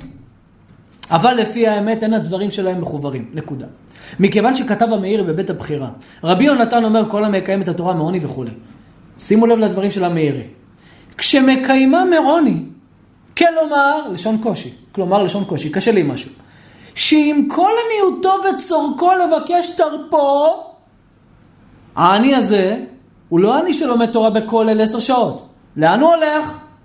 הוא חייב לעבוד. אסור לאדם להיות עני ולהישאר בכולל. הוא חייב ללכת לעבוד, חייב לעשות, לעשות מלאכה. כל תורה שאין עם המלאכה, סופה בטלה. וכתוב בשולחן ערוך אבן עזר סימן סט, שאדם מתחייב לאישה עשר דברים, עשרה דברים. חייב לפרנס את אשתו. אז לא ייתכן לומר שכל המקיים את התורה מעוני, זה אדם שלומד בכולל 12 שעות ומצפה שבנס יבוא לו כסף. למרות שזה מה שצריך לקרות. אבל לא ייתכן שעל זה דיברו חז"ל שכל התנאים עבדו, בסדר? אומר המאירי, אני מפרש את הדברים שלו, אומר המאירי, אה, שעם כל עניותו, וצ... עניותו וצורכו לבקש תרפו, הוא קובע עיתים לתורה. סופו לקיימה מעושר. זאת אומרת, מדובר באדם שצריך לפרנס את הבית, חייב לעבוד, והוא לא מספיק יותר מדי ללמוד 4, 5, 6, 7 שעות. לא מספיק, הוא צריך לעבוד. אבל אחרי העבודה, מה הוא עושה? הוא אמר, הייתי כל היום בעבודה. מה עכשיו אני צריך ללמוד תורה? יש לי זמן לאישה, לילדים, לעשות את הדברים שלי. אה, ללכת לעשות ספורט, כדורסל, מה, גם לי מגיע משהו. לא, הוא לא עושה את זה. הוא אומר, אני לא מאבד את השעה, שעתיים ביום את הלימוד תורה. אני נלחם על זה, כל חיי נותן על זה, זה אני. לכן מה כתוב? לא כתוב כל הלומד, שימו לב, מה כתוב? כל המקיים, שימו לב, וכל שמבטלה מאושר. כלומר, מטרדת עושרו וקניינו. מה זה מבטלה מאושר? מה זה מבטלה מאושר? לא לומד תורה שעה. לא שלא נמצא בכולל, לא קובע עיתים לתורה. סופו לבטלה מתוכוני. אה, עם כל העושר שלך, עם כל העסקים שלך, לא למדת תורה שעה? סופו מה? לבטלה מעוני. וכל זה, אומר המאירי, למה זה? מידה כנגד מידה. בסדר? אין פסוק, אין משהו מפורש, כל זה מידה כנגד מידה. אבל אני סומך לזה פסוק לדברים של חז"ל. המאירי אומר שזה מידה כנגד מידה. אני מביא פסוק שאני מוכיח שיש משהו בקיום. מה זה קיום? שימו לב, לא סתם אמרו קיום. וקיום זה לא שה, שההלכה היא להבנה והמצוות הן למעשה. לא, לא מה שאתם תירצתם. שימו לב, כתוב כל המקיים את התורה מעוני. מה זה קיום? הוא עכשיו אני. מה הוא צריך לעשות בשביל לקיים? מה הוא צריך לעשות? הוא צריך לעבוד. הוא צריך לעבוד כדי לקיים. זאת אומרת, כל המחשבה שלו לקיים את התורה, את העיתים שלו, הוא הולך לעבוד. בשביל מה? כדי לקיים את התורה. כדי לקבוע עיתים לתורה. הוא עני. מה הקדוש ברוך הוא אומר? מה אומרים חז"ל? סופו לקיים המושר, הוא יהיה עשיר גדול לאדם הזה, מבטיח. אתה עובד, הכל שלך שעה ביום שאתה לא מבטל אותה, אתה תראה עושר. שאתה, אתה תראה עושר, אל תפחד מכלום. שימו לב, הנה מואר ודבריו, שבדרך כלל כל אדם שהוא עני וכולי וכולי, בסדר? ולכן לפי דעתי, אמר התנא, כל המקיים את התורה, ולא אמר כל הלומד, כי פשוט הדבר שאם אדם לומד רק תורה, והוא עני, בוודאי יהיה עשיר. למה? הקדוש ברוך הוא מבטיח לבני לוי, אין לכם טרדות. אם אתה אברך שלומד 12 שעות ביום תורה, באמת? חז"ל לא צריכים לדבר על זה. אתה לא תהיה עני. יהיה לך הכל עד אליך, זה פשוט. הרב קנבסקי יהיה חסר לו משהו. הרב עובדיה יוסף יהיה חסר, זה בני לוי. לא יהיה חסר לך כלום, חז"ל לא צריכים להגיד את זה. כל המקיים תורה מעוני. אם מדובר בעוני בשבט לוי, לא, לא מתחיל. מה זה, אתה עושה פה ביזוי לתורה? לכן חייב לומר שזה לא אברכים ולא אדם שלומד תורה 8, 10, 12 שעות ביום רצוף. לא מדובר בו. בסדר? אז מה זה כל המקיים? איפה כתוב את המילה מקיים? שזה קשור לממון, לכסף. מה, להחזיק לומדי תורה? לא, כל המקיים. המאירי לא כותב להחזיק, קובע עיתים. קובע עיתים. שעה ביום, לא מפספס אותה, יש לו שעה קבועה, חוזר, יש לי שעה, לא ממיר אותה, גם אם יש לי שמחה, אירוע, לא משנה מה, זו השעה שלי. אתה נותן חשיבות לתורה שלי עם כל עניותך, אתה קובע על הזמן, פש, יפה מאוד, אתה תהיה עשיר. אבל למה מקיים? תגיד, כל הלומד. יכולתי להבין, גם עיתים לתורה, לומד. שימו לב, אני רוצה לחדש ולומר. אבל אצל העני, מכיוון שהוא צריך לעבוד ברוב שעות היום, ואין הוא יכול להתבטל ממלאכה, בכל זאת הוא לומד תורה מקיים אותה, כלומר מקיים את חיובו להגות בה אפילו מעט בעת קבוע, אדם כזה עתיד להיות עשיר גדול, והראיה ממה שכתוב בתורה בפרשת עקב, ואשר עשה לדתן ולאבירם, בני אליאב בן ראובן, אשר פצתה הארץ את פיה, בלעה את קורח, בלעה את הנשים, בלעה את הילדים, ותבלעם את בתיהם ואת אוהליהם ואת כל היקום, אשר ברגליהם, בקרב כל ישראל. ומהו ואת כל היקום? מה זה יקום? אשר ברגליהם? ואת כל היקום אשר ברגליהם זה ממונו של אדם, אומר רש"י, שמעמידו על רגליו. היקום זה ממון, וכן תרגם יונתן. ואת כל האוצרות שהיו עמהם בתוך כל ישראל. יוצא שיקום זה קיום. יוצא שכל המקיים, אתה מקיים את עצמך, מעמיד את התורה, מתי שאין לך אוצרות, אני אביא לך את כל מה שנבלע אצל קורח למטה, היקום, אני אקיים אותך, אל תדאג, יהיה לך יקום טוב. בזה הבאנו אסמכתא בעלמא לדברי חז"ל, כמו שאומרים. וכעת מבוארים היטב דברי חז"ל, שאמרו כל המקיים, כי מידת קיום יורה על העושר והממון, וזה עני. קיים את לימוד התורה וקבע עיתים אליה, על אף שלא היה באפשרותו כל כך. לכן שילם לו השם יתברך מידה כנגד מידה, והביא לו עושר גדול מן השמיים, ואתה קורא נעים. יש לך ללמוד מוסר הרבה מאוד, שאין הממון בא, אלא בעקבות שמירת התורה והמצוות. ולכן אני כותב, במעשה קורח, הוצרך הקדוש ברוך הוא לבלוע את הממון של קורח, כי גם על זה יש שאלה. תיקח את הילדים, קח את כולם, תעניש אותם. מה עשה לך הכסף? מה עשה לך הכסף? לא חבל, יש למי לתת. יש אנשים שצריכים כסף, תן להם אותו. כל עושרו של קורח, אתה בולע באדמה? למה? להורות שאין הפרנסה באה אלא רק בעבור הצדקות, ואין הפרנסה עובדת מן האדם אלא בעבור העוונות. וברגע אחד הקדוש ברוך הוא לקח לקורח את כל מה שיש לו, מיליארדים, מה שיש כל בנק ישראל, לא מגיע למה שיש לקורח. כתוב שקורח כמדומני זה שליש מן, שליש מן העושר שיש בעולם, עושרו של קורח. זאת אומרת, כל העושר שיש היום, כל הבנקים דולרים, זה לא מתקרב למה שהיה לקורח בזהב. וכל זה הקדוש ברוך הוא בלע ברגע. למה? לומר לך שעם כסף לא תוכל לעשות כלום. רק הביטחון בשם יתברך. רק ביטחון. בו יתברך זה מה שמציל. כל היקום, כל היקום אשר ברגליהם. מה שמעמיד את האדם זה הכסף שלו. אם לא יהיה לבן אדם כסף, לא יעמיד אותו. אה, אתה בכל זאת הולך ללמוד תורה, אתה תהיה עשיר. בסדר, אני, אני רוצה שתקשו עליהם, מחילה, אם יש פה דברים שלא מסתדרים, אני הפוך, אשמח לשמוע הערות והערות. אני לא הבנתי, הרב אמר ששבט לוי יכולים, אה, יכולים ללמוד ומגיע להם הכל. זה לא, לא מסתדר עם אה, במשנה באבות, שתורה צריכה להיות עם מלאכה ביחד. לא ללוי. כל תורה שאין עם המלאכה, שפה בטלה. לוי זה אדם, לוי זה שבט, לוי, לא, זה ככה. לוי זה כל אדם שמתמסר לתורה. לא, דווקא שבט לוי. אז עליו לא נאמר הדבר הזה? לא. יכול להיות אברך עכשיו לומד 12 שעות, לא? אין עליו תביעה. ככה פוסק גם בשו"ת יביע עומר, הרב עובדיה יוסף. יש פוסקים שאומרים שאם המשכורת בכולל היא 1,500, 2,000 שקל, במצב שלא יכולה לקיים אותך, חייב לעבוד. הרב עובדיה יוסף חולק עליהם, ופוסק שאברך שמתפרנס אפילו מ-500 שקל, מכיוון שהוא עושה את ההשתדלות שלו ולומד כמו שצריך, אני לא מדבר על אברך שכל חמש דקות שותה קפה, זה ודאי. לומד תורה, עמל בה, הוגה בהלכות, לומד תורה כמו שצריך, לומד ומלמד, אדם כזה, אומר הרב עובדיה יוסף, אין תביעה למשמר. על מה נאמר במשנה כל אה, תורה שאין במלאכה בסופה להתבטל? ובדיוק, על האברך שלומד בכולל. ככה אני סובר, אני לא עכשיו אומר לך הרב עובדיה יוסף, זהו, זה משנה אחרונה וצודקת. פשט הדברים, שאברך שלומד תורה ומקבל אלפיים שקל ולא מספיק לפרנס את בני ביתו, לא מקיים את דברי המשנה.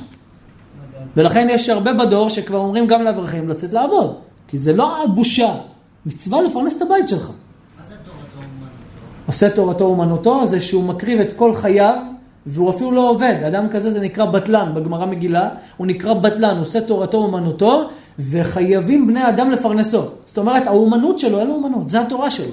ואם אדם מבין, שאם אתה מבין שכל ראשון לציון עומדת על צדיקים וכל הפרנסה שלך באה בזכותם, לא תחזיק אותם? ודאי שתחזיק. לכן יש לנו מצוות, מעשרות, מצוות החזקת העניים. למה? הם לא עניים. מה זה עני? הוא לומד תורה. כן, מתן. להגיד משהו, לחזק את הדברים האלה. כי כן. כמו שהרב אמר, כל מי שמקיים את התורה מעוני, סופר קיים מאושר. בן אדם שיוצא לעבוד, ויש לו שעה לימוד ביום, כל הזמן שהוא עובד גם נחשב לו כאילו, זה חלק מהמצווה הזאת, כי. זה מה שהוא חיפש. נכון. בסוף, למה יקיים מאושר? כי זה מה שהוא. זה רק מה שהוא רצה, בסופו של דבר מה- מהשמיים. הלימוד שלו היא הוכחה שהעבודה שלו הייתה בשביל הלימוד. יפה, אבל לא רק זה, גם בסוף מהשמיים יגלגלו שיוכל ללמוד כמו שצריך. יפה מתן, יפה מאוד. בקרוב על כולכם בעזרת השם. קבוע עיתים לתורה, שעה, שעתיים, לא משנה בין הזמנים, לא בין הזמנים. יצאתם לחופשה, הלכתם עם האישה לטבריה, לא משנה, הלכתי עם האישה לטבריה, לא זמן, הלכתי איתה. אין לי שעה, שעתיים של לימוד תורה? איך אפשר לחיות בלי? איך אפשר לנשום בלי? כן, אליאל. אבל גם אותו אברך הזה, נגיד, של 12, זה אלה שבאמת לומדים ברמות. בסופו של דבר הם גם כותבים ספרים, כותבים הלכות וזה. אז זה המלאכה שלהם. אז הם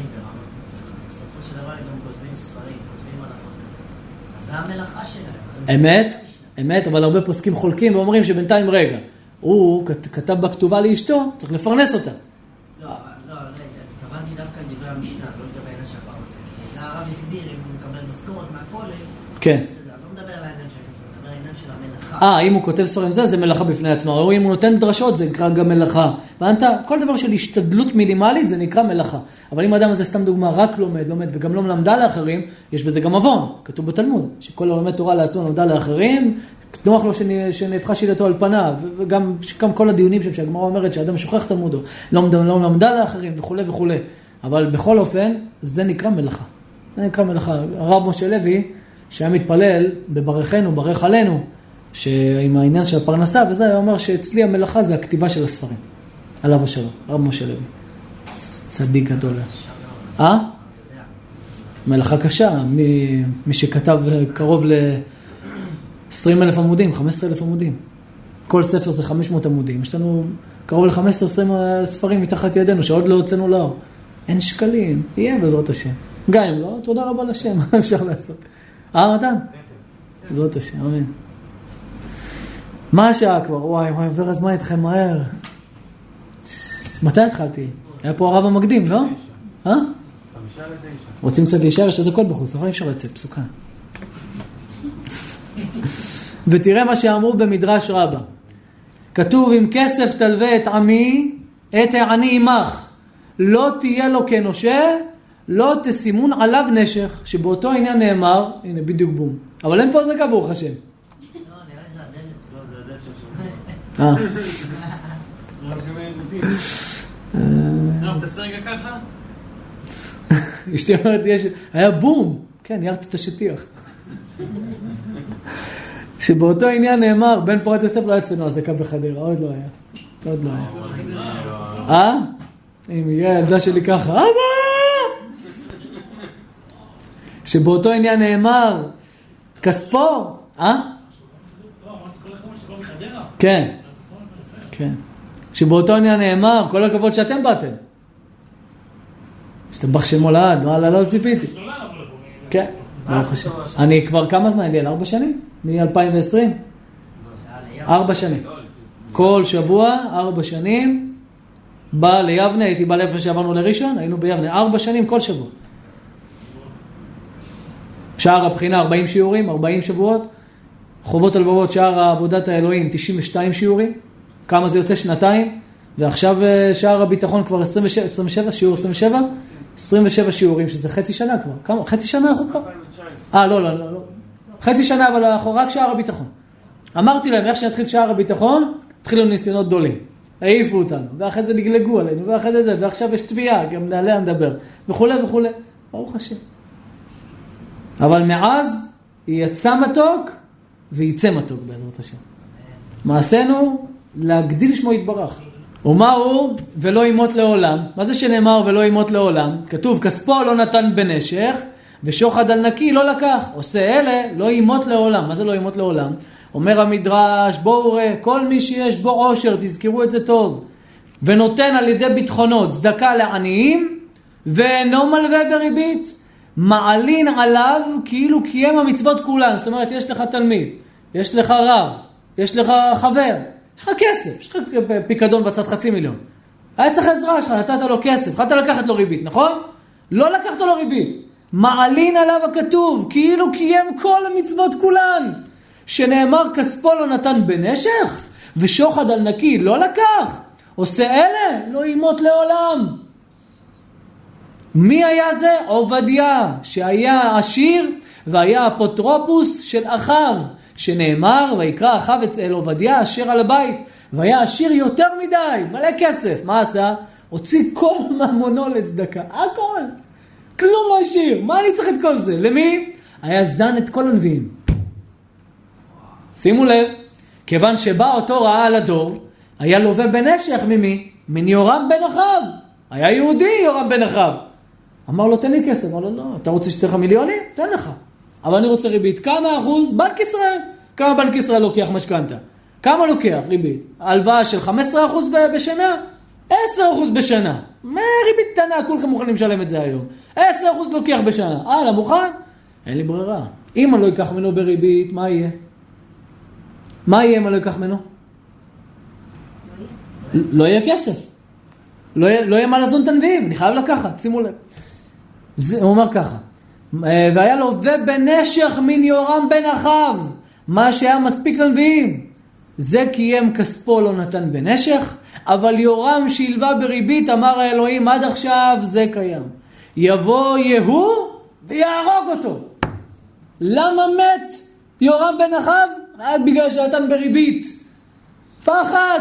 שנאמר ויהוא מילא ידו בקשת ויח את יורם בן זרועיו ויצא מליבו, החץ, יצא מליבו. ולמה שואל המדרש בן זרועותיו ויצא מליבו? מה קרה שקרה את כל המהלך הזה? גם ההריגה יש לה משמעות, לא הגלגולים, למה? לפי שהקשה את ליבו ופשט את ידיו לקבל ריבית, לקבל את הריבית. זאת אומרת, למה החץ פגע ביד ויצא דרך הלב? נתת ריבית בידיים והקשית את הלב. יכלת לעבוד על הלב, להבין למה אני לא אקח ריבית מה, מהאנשים האלה, לא אקח ריבית מהיהודים האלה. לא, לקחת ריבית. עכשיו יבוא לך חץ בידיים ובלב. יפתח הגלעדי, כל איבריו. אצבע אחת נפלה פה, ונפטר בערי הגלעד. מה זה בערי הגלעד? כתוב, זה צריך להיות כתוב, ושם נפטר בהר גלעד. למה נפטר בערי הגלעד? היה הולך, בשעת פטירתו, אצבע נופלת נקברת. היה הולך עוד אצבע נקברת, יד נקברת, הולך פתאום בלי יד. הקדוש ברוך הוא מוריד לו את היד בלי כלום. הולך, איזה מוות, הולך רגל, אצבע, זרוע, זה, זה, איבר איבר. נקברו בערי הגלעד, למה? אותם רגליים וידיים שהיו צריך ללכת, ללכת למי? לפנחס. ללכת לפנחס להפר את הנדר של הבת, לא הלכת? אותם רגליים יסבלו. איזה סבל, איזה סבל. למה? למה לא הלכת לבקש? למה לא רצית לדבר? למה לא רצית לשמוע? למה היית עקשן? רצו לדבר איתך, לא רוצה. גדולים נפלו. וואי, איזה פחד. חטאנו, אבינו פשע. פנחס ויפתח נפלו. כל אחד נתן סברה נכונה, שתיהם אמרו סברה ברורה. אחד אמר, מה פתאום שמלך ילך לנביא? אם אני אעשה ככה, אני אעשה בושה למלכות. סברות נכונות מהתורה, יש תוירה. אחד אמר לו, מה פתאום, אני אלך למלך, יהיה פדיחה לנביאים. הביאו ראייה. מה פתאום, אליהו עם זה והכל שם. אחד לשני, שתיהם נענשו. ויפתח יותר שילם, למה? כי יש נביא בדורו. יפתח בדורו, כמשה בדורו, יש נביא. תבוא. תפר את הנדר. היה עליך לבוא, למה? הבת שלך נדר נדר. 70 שנה הייתה בחדר סגור, לא יצאה. פעמיים, שלוש בשנה ברגלים היו באות מקוננות, בוכות, את לא יכולה לצאת. אמרה, לא יצא מפתח ביתי. 70 שנה באותו בית. לא יצא מהבית. איזה צדיקה הייתה, לא יצא מבית 70 שנה. כלא ביתי 70 שנה. אתם קולטים? אנשים בעלי תורה, פנחס, למה לא באת? מה שילם פנחס? כל רוח הקודש שהייתה לו נעלמה ממנו. פש, כלום, אין לך שום מורת שם, כלום, הכל לקחתי ממך. אין איש אותו שם. כלום, אין לך. אתה לא תדבר, אל תדבר איתי. כמה זמן? קרוב לשלוש מאות שנה.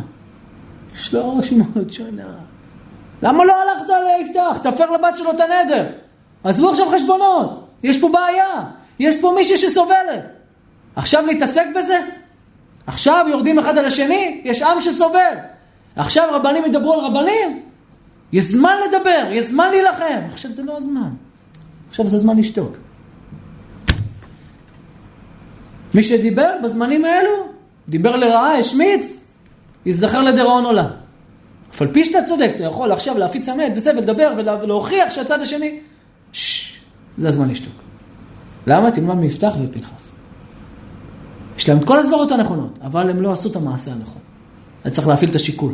מצוות הוכחה זה מצווה של שיקול הדעת. אם אני אוכיח בן אדם, ויש פה בעיה שהוא יברח לי, אני לא מוכיח אותו.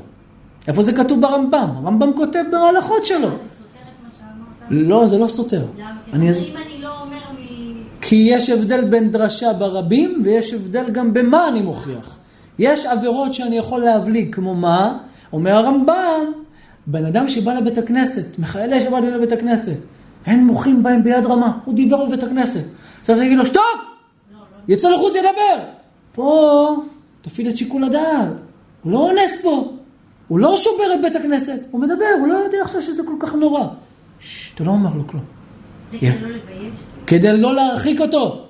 מותר לבייש שוברי עבירה, אבל אני עושה את השיקול. מה אני, איזה שיקול אני עושה? זה עבירה בפרהסיה, מותר. אני עושה שיקול, רגע, אם אני אגיד לו את זה, הוא לא יבוא יותר לבית הכנסת. אז מה אני עושה? אני מחכה, אני מסיים את התפילה, אני יוצא איתו החוצה, אני אומר לו, חביבי, פעם הבאה שאני אשמור אותך, אל תדבר בבית הכנסת. אבל אם זה אדם דתי, 30 שנה בבית הכנסת, יצא לחוץ ידבר, אני אומר לו. אל, פה לא מדברים. אני יודע שהוא יחזור לבית הכנסת.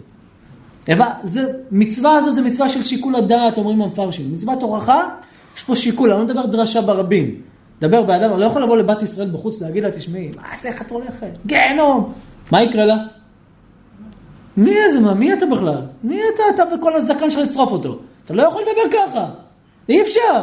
אתה יכול דרשה להגיד, חבר'ה, מי שלא תלך בצניעות, יהיה על הדבר כזה. מי שמחלל שבת, מוטי אומה, אתה יכול להגיד את זה, גם לא בצורה של... "אה!" לא, לא דברים שמקובלים ככה, לא, אנחנו לא, עם ישראל לא מדבר בצורה כזאת. אבל באדם בחוץ, לבוא להגיד לו, אתה מחלל שבת, מה יקרה לך? שהם השמיד אותך. השמיד אותי, השמיד אותי, אני אשמיד גם אותך. זה האמת. זה מצווה של שיקול הדעת. הוא אומר בורא עולם, אל תעלו להר, אני לא רוצה שתתקרבו להר.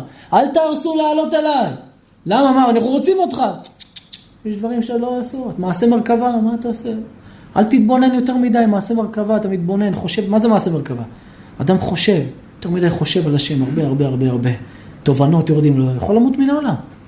למות, כפשוטו. מה זה מעשה מרכבה? חוקר, מתבונן, בוחן. שבחגיגה י"ד עמוד ב', שם אמר רבי יוחנן בן זכאי, נשק אותו על ראשו ואמר, אשריך, שאתה בן של אברהם אבינו, שזכית לחקור, להבין ולדרוש במעשה מרכבה. הבן של אברהם? למה לא אמרת יעקב? למה לא אמרת יצחק? כי אברהם אבינו הגיע לכל התובנות שלו, על ידי מה? התבוננתי. רגע, מי, מי, מי אלוהים? השמש, זה אלוהים. השמש שקע, מי אלוהים? ירח, זה אלוהים. ירח שקע. הלכה, אה, אה, רגע, רגע, יש מישהו שמנהיג את הגלגל. אה, יש בורא לעולם. זה מעשה מרכבה. יש עמקות. מה שאברהם אבינו הבין בדברים שלו, זה מעשה מרכבה. אין דורשים מעשה מרכבה. את העמקויות האלה לא דורשים. זה לא סודות. מעשה מרכבה זה לא סוד. תוציאו את זה מהלקסיקון. מעשה מרכבה זה תובנות וחקירות והבנות שאדם מבין בי' כו' מי זה השם. זהו, זה מעשה מרכבה. ואם אתה תתעמק יותר מדי, אתה יכול גם למות מן העולם. במחשבה. אין שכל להבין. לכן שחכמינו זיכרונם לברכה התבוננו והתעמקו בדבר. הם ידעו אותו. הם ידעו, הם יודעים את המהלכים של השם. לכן זה מפחיד, ברגע שבאדם יודע מהלכים של השם, כמו אחר, שעלה לשמיים. הוא לא עלה לשמיים! לא קופצים לשמיים! לא עולים! לא עולים לשום מקום! תוציאו את זה! הרמב"ם אומר שמי שמבין את הדברים של חז"ל כפשוטן, אלה מעושי התורה, מעושי דת ישראל. שאלישע בן אבויה עלה לשמיים, הוא לא עלה לשום מקום. הם ישבו בחבורה והבינו תובנות והתעמקו במחשבה. זה נקרא עלה למרום. עלה למרום במחשבתו, הבין את המהלכים של השם, הבין בתובנות שאנחנו לא נצליח להבין את המהלכים, וראה מה שראה. במחשבה. לא עלו למרום, לא אין פה איזה עכשיו גלימה שעולים איתה ולא כלום. עלו במחשבה. אני יודע שזה דבר חדש, אבל שתבינו מה שהרמב"ם כותב, אמרתי לכם את זה כבר כמה פעמים כמדומני בסנהדרין, פרק י' כמדומני משנה א', הרמב"ם מה שכותב שם, תבינו הכל. לכן אני אומר צריך לעצור את הלימוד וללמוד מה שהרמב"ם אומר, שמי שמבין את הדברים של חז"ל כפשוטן, שירדה אש, שירד אש ממש, אלה מחריבי הדעת. ככה הרמב"ם כותב, אלה יותר גרועים מכולם. מה, זה לא דברים כפשוטם. אתה חושב שעולים עם איזה גלימות ומרחפים באוויר? מה פתאום, שיבושים מגיעים מזה. עלו במחשבה. חשבו על י' כו'. לכן רבי נחמן מברסלב אומר, שאדם, אם יעמיק במחשבה, יכול למות מן העולם. יחשוב, יחשוב על המוות, תפרח נשמתו. למה? כי הוא יגיע למקום של המוות למעלה בשמיים והוא ימות. פשוט, שכל ישר, הכל נפתח. כן, מתן? אז שאתה צריך להבין, זה עמוק מדי, בוא לא ניכנס לזה, בסדר? זה דברים עמוקים ואין דורשים, זה כבר אתה מתחיל, זה כבר תחילתם של מעשה מרכבה. אתה מבין איזה עניין? זאת אומרת, אתה מבין שיש פה משהו עמוק ואין דורשים מעשה מרכבה ברבים, אנחנו לא באנו ללמד מעשה מרכבה כי אני גם לא יודע. אני, לא, אני רק לא, אני גם לא יודע מה זה מעשה מרכבה, אני רק מסביר לך על פי ההבנה שלי בחגיגה ועל פי ההבנה של עוד כמה שהגענו לתובנה, שמעשה מרכבה זה לא דבר פלוני שהבנו עד היום שזה סודות וייחודים. לא, זה לא זה. זה לא מעשה מרכבה. כן. כן.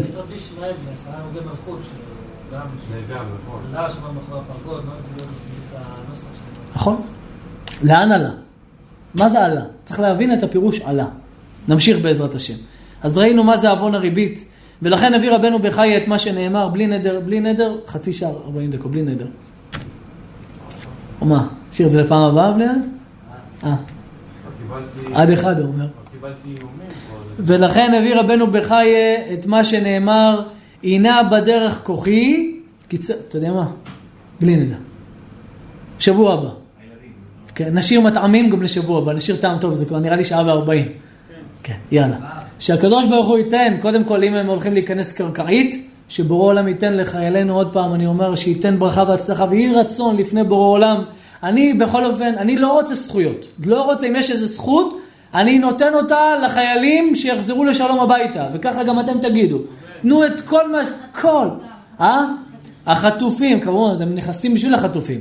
ובעזרת השם, שהדברים האלו לתועלת עם ישראל, ויהי רצון שבורא עולם יחזיר את חיילינו לשלום, ויחזיר את כל עם ישראל בתשובה, וייתן לנו רוח, קדושה וטהרה ממרום, אמן כן יהי רצון. אה, רק המכתב, רגע, מכתב, רק משהו קטן. טוב, אה, נקריא איזה משהו. לא, זה, לא, זה גם שבוע הבא, זה ארוך גם, זה מהלך ארוך. תבינו, כל מה שאמרתי לכם עכשיו, זה ארבע עמודים מהשיעור מתוך 12. לא יודע איך אני... למה אני, אני כותב כל כך הרבה? לא יודע. טוב, כפי שכולם יודעים, בימים אלו עמותת שופר ורבי אמנון יצחק תובעים אותי בבית משפט אזרחי, שלא כדרך ההלכה, כפי שנזכר בשולחן ערוך, חושן משפט סימן כ"ו. כל זאת על לא עוול בכפי.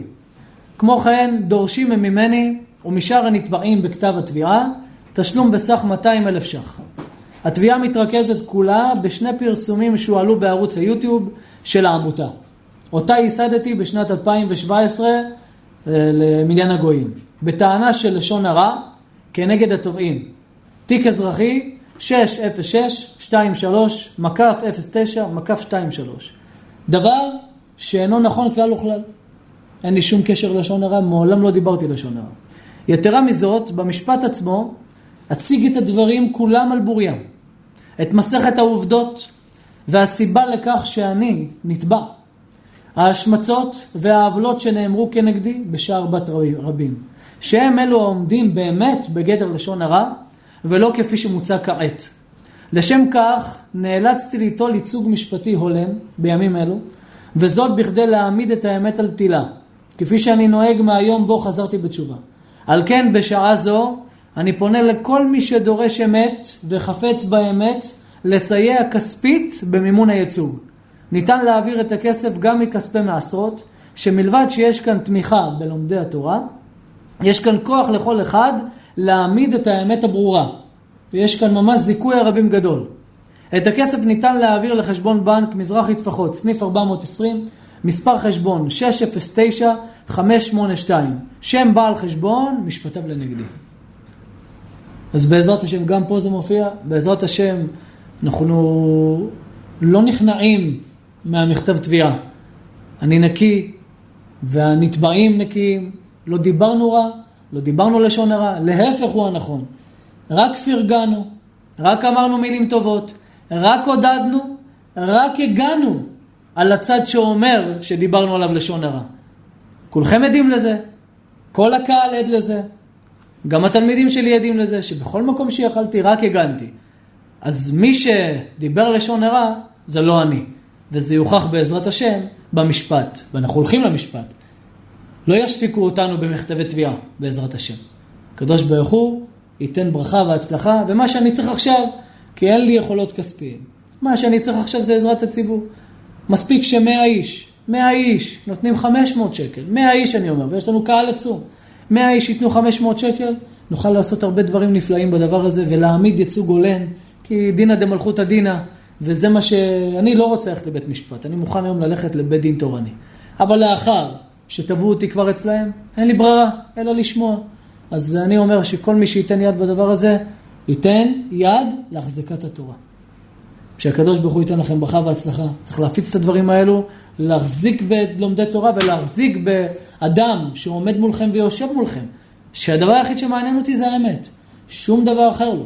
אני ביקשתי מהנתבע, לא אחת ולא פעמיים, לבוא לדבר, לשבת, אה? מהתובע.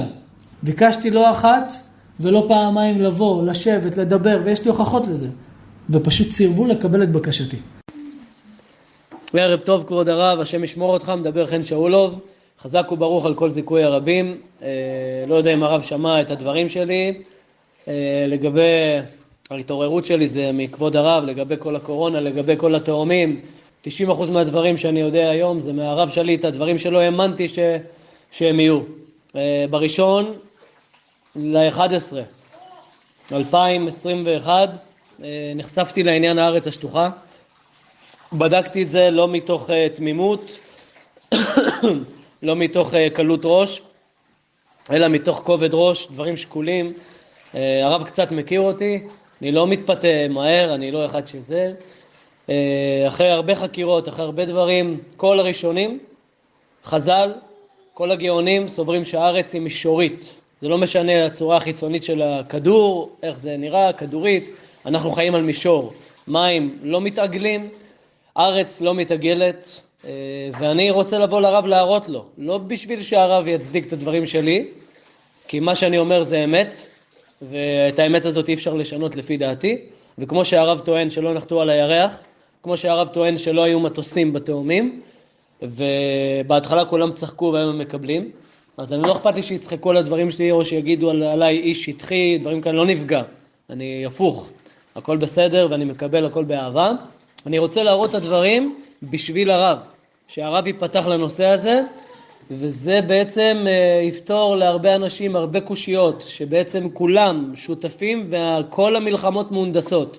כולם שותפים לשקר הגדול של הכדור המתגלגל, המדומיין. ואין חלל, כי חלל יש רק מת, אין דבר כזה חלל. חלל ביהדות זה מת, ויש רקיע שנמצא מעלינו. אותו אי אפשר לעבור, ואנחנו ברואים של השם יתברך, והאתאיסטים הכי רחוקים מבינים את זה, שמבינים את עניין הארץ השטוחה. ובעזרת השם יתברך הייתי רוצה לבוא להראות לרב, ואם הרב לא יסכים לראות את החומר, שיהיה לרב בהצלחה, אני אוהב אותו הרבה, זה לא ישנה כהוא זה. אוהב אותך רבנו ושיהיה לך לילה טוב. לא רצו לדבר, לא רצו לדבר. מה אני יכול לעשות? מה אני יכול לעשות? הדברים הגיעו לאן שהגיעו, וכעת צריך להתמודד עם מה שיש, ובעזרת השם הקדוש ברוך הוא יילחם לנו, ואנחנו נחריש. בשם השם נעשה ונצליח. תודה רבה לכם על ההקשבה.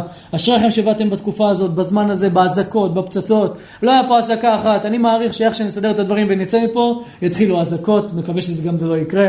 זו הוכחה בשבילכם שהשם שומר, מגן ומציל. רבי חיים קשה אומר, רצה הקדוש ברוך הוא זה כסר, לפיכך יבא לנו תורה מצוות שנאמר, אדוני חפץ למען צדקו, יגדיל תורה ויעדיע.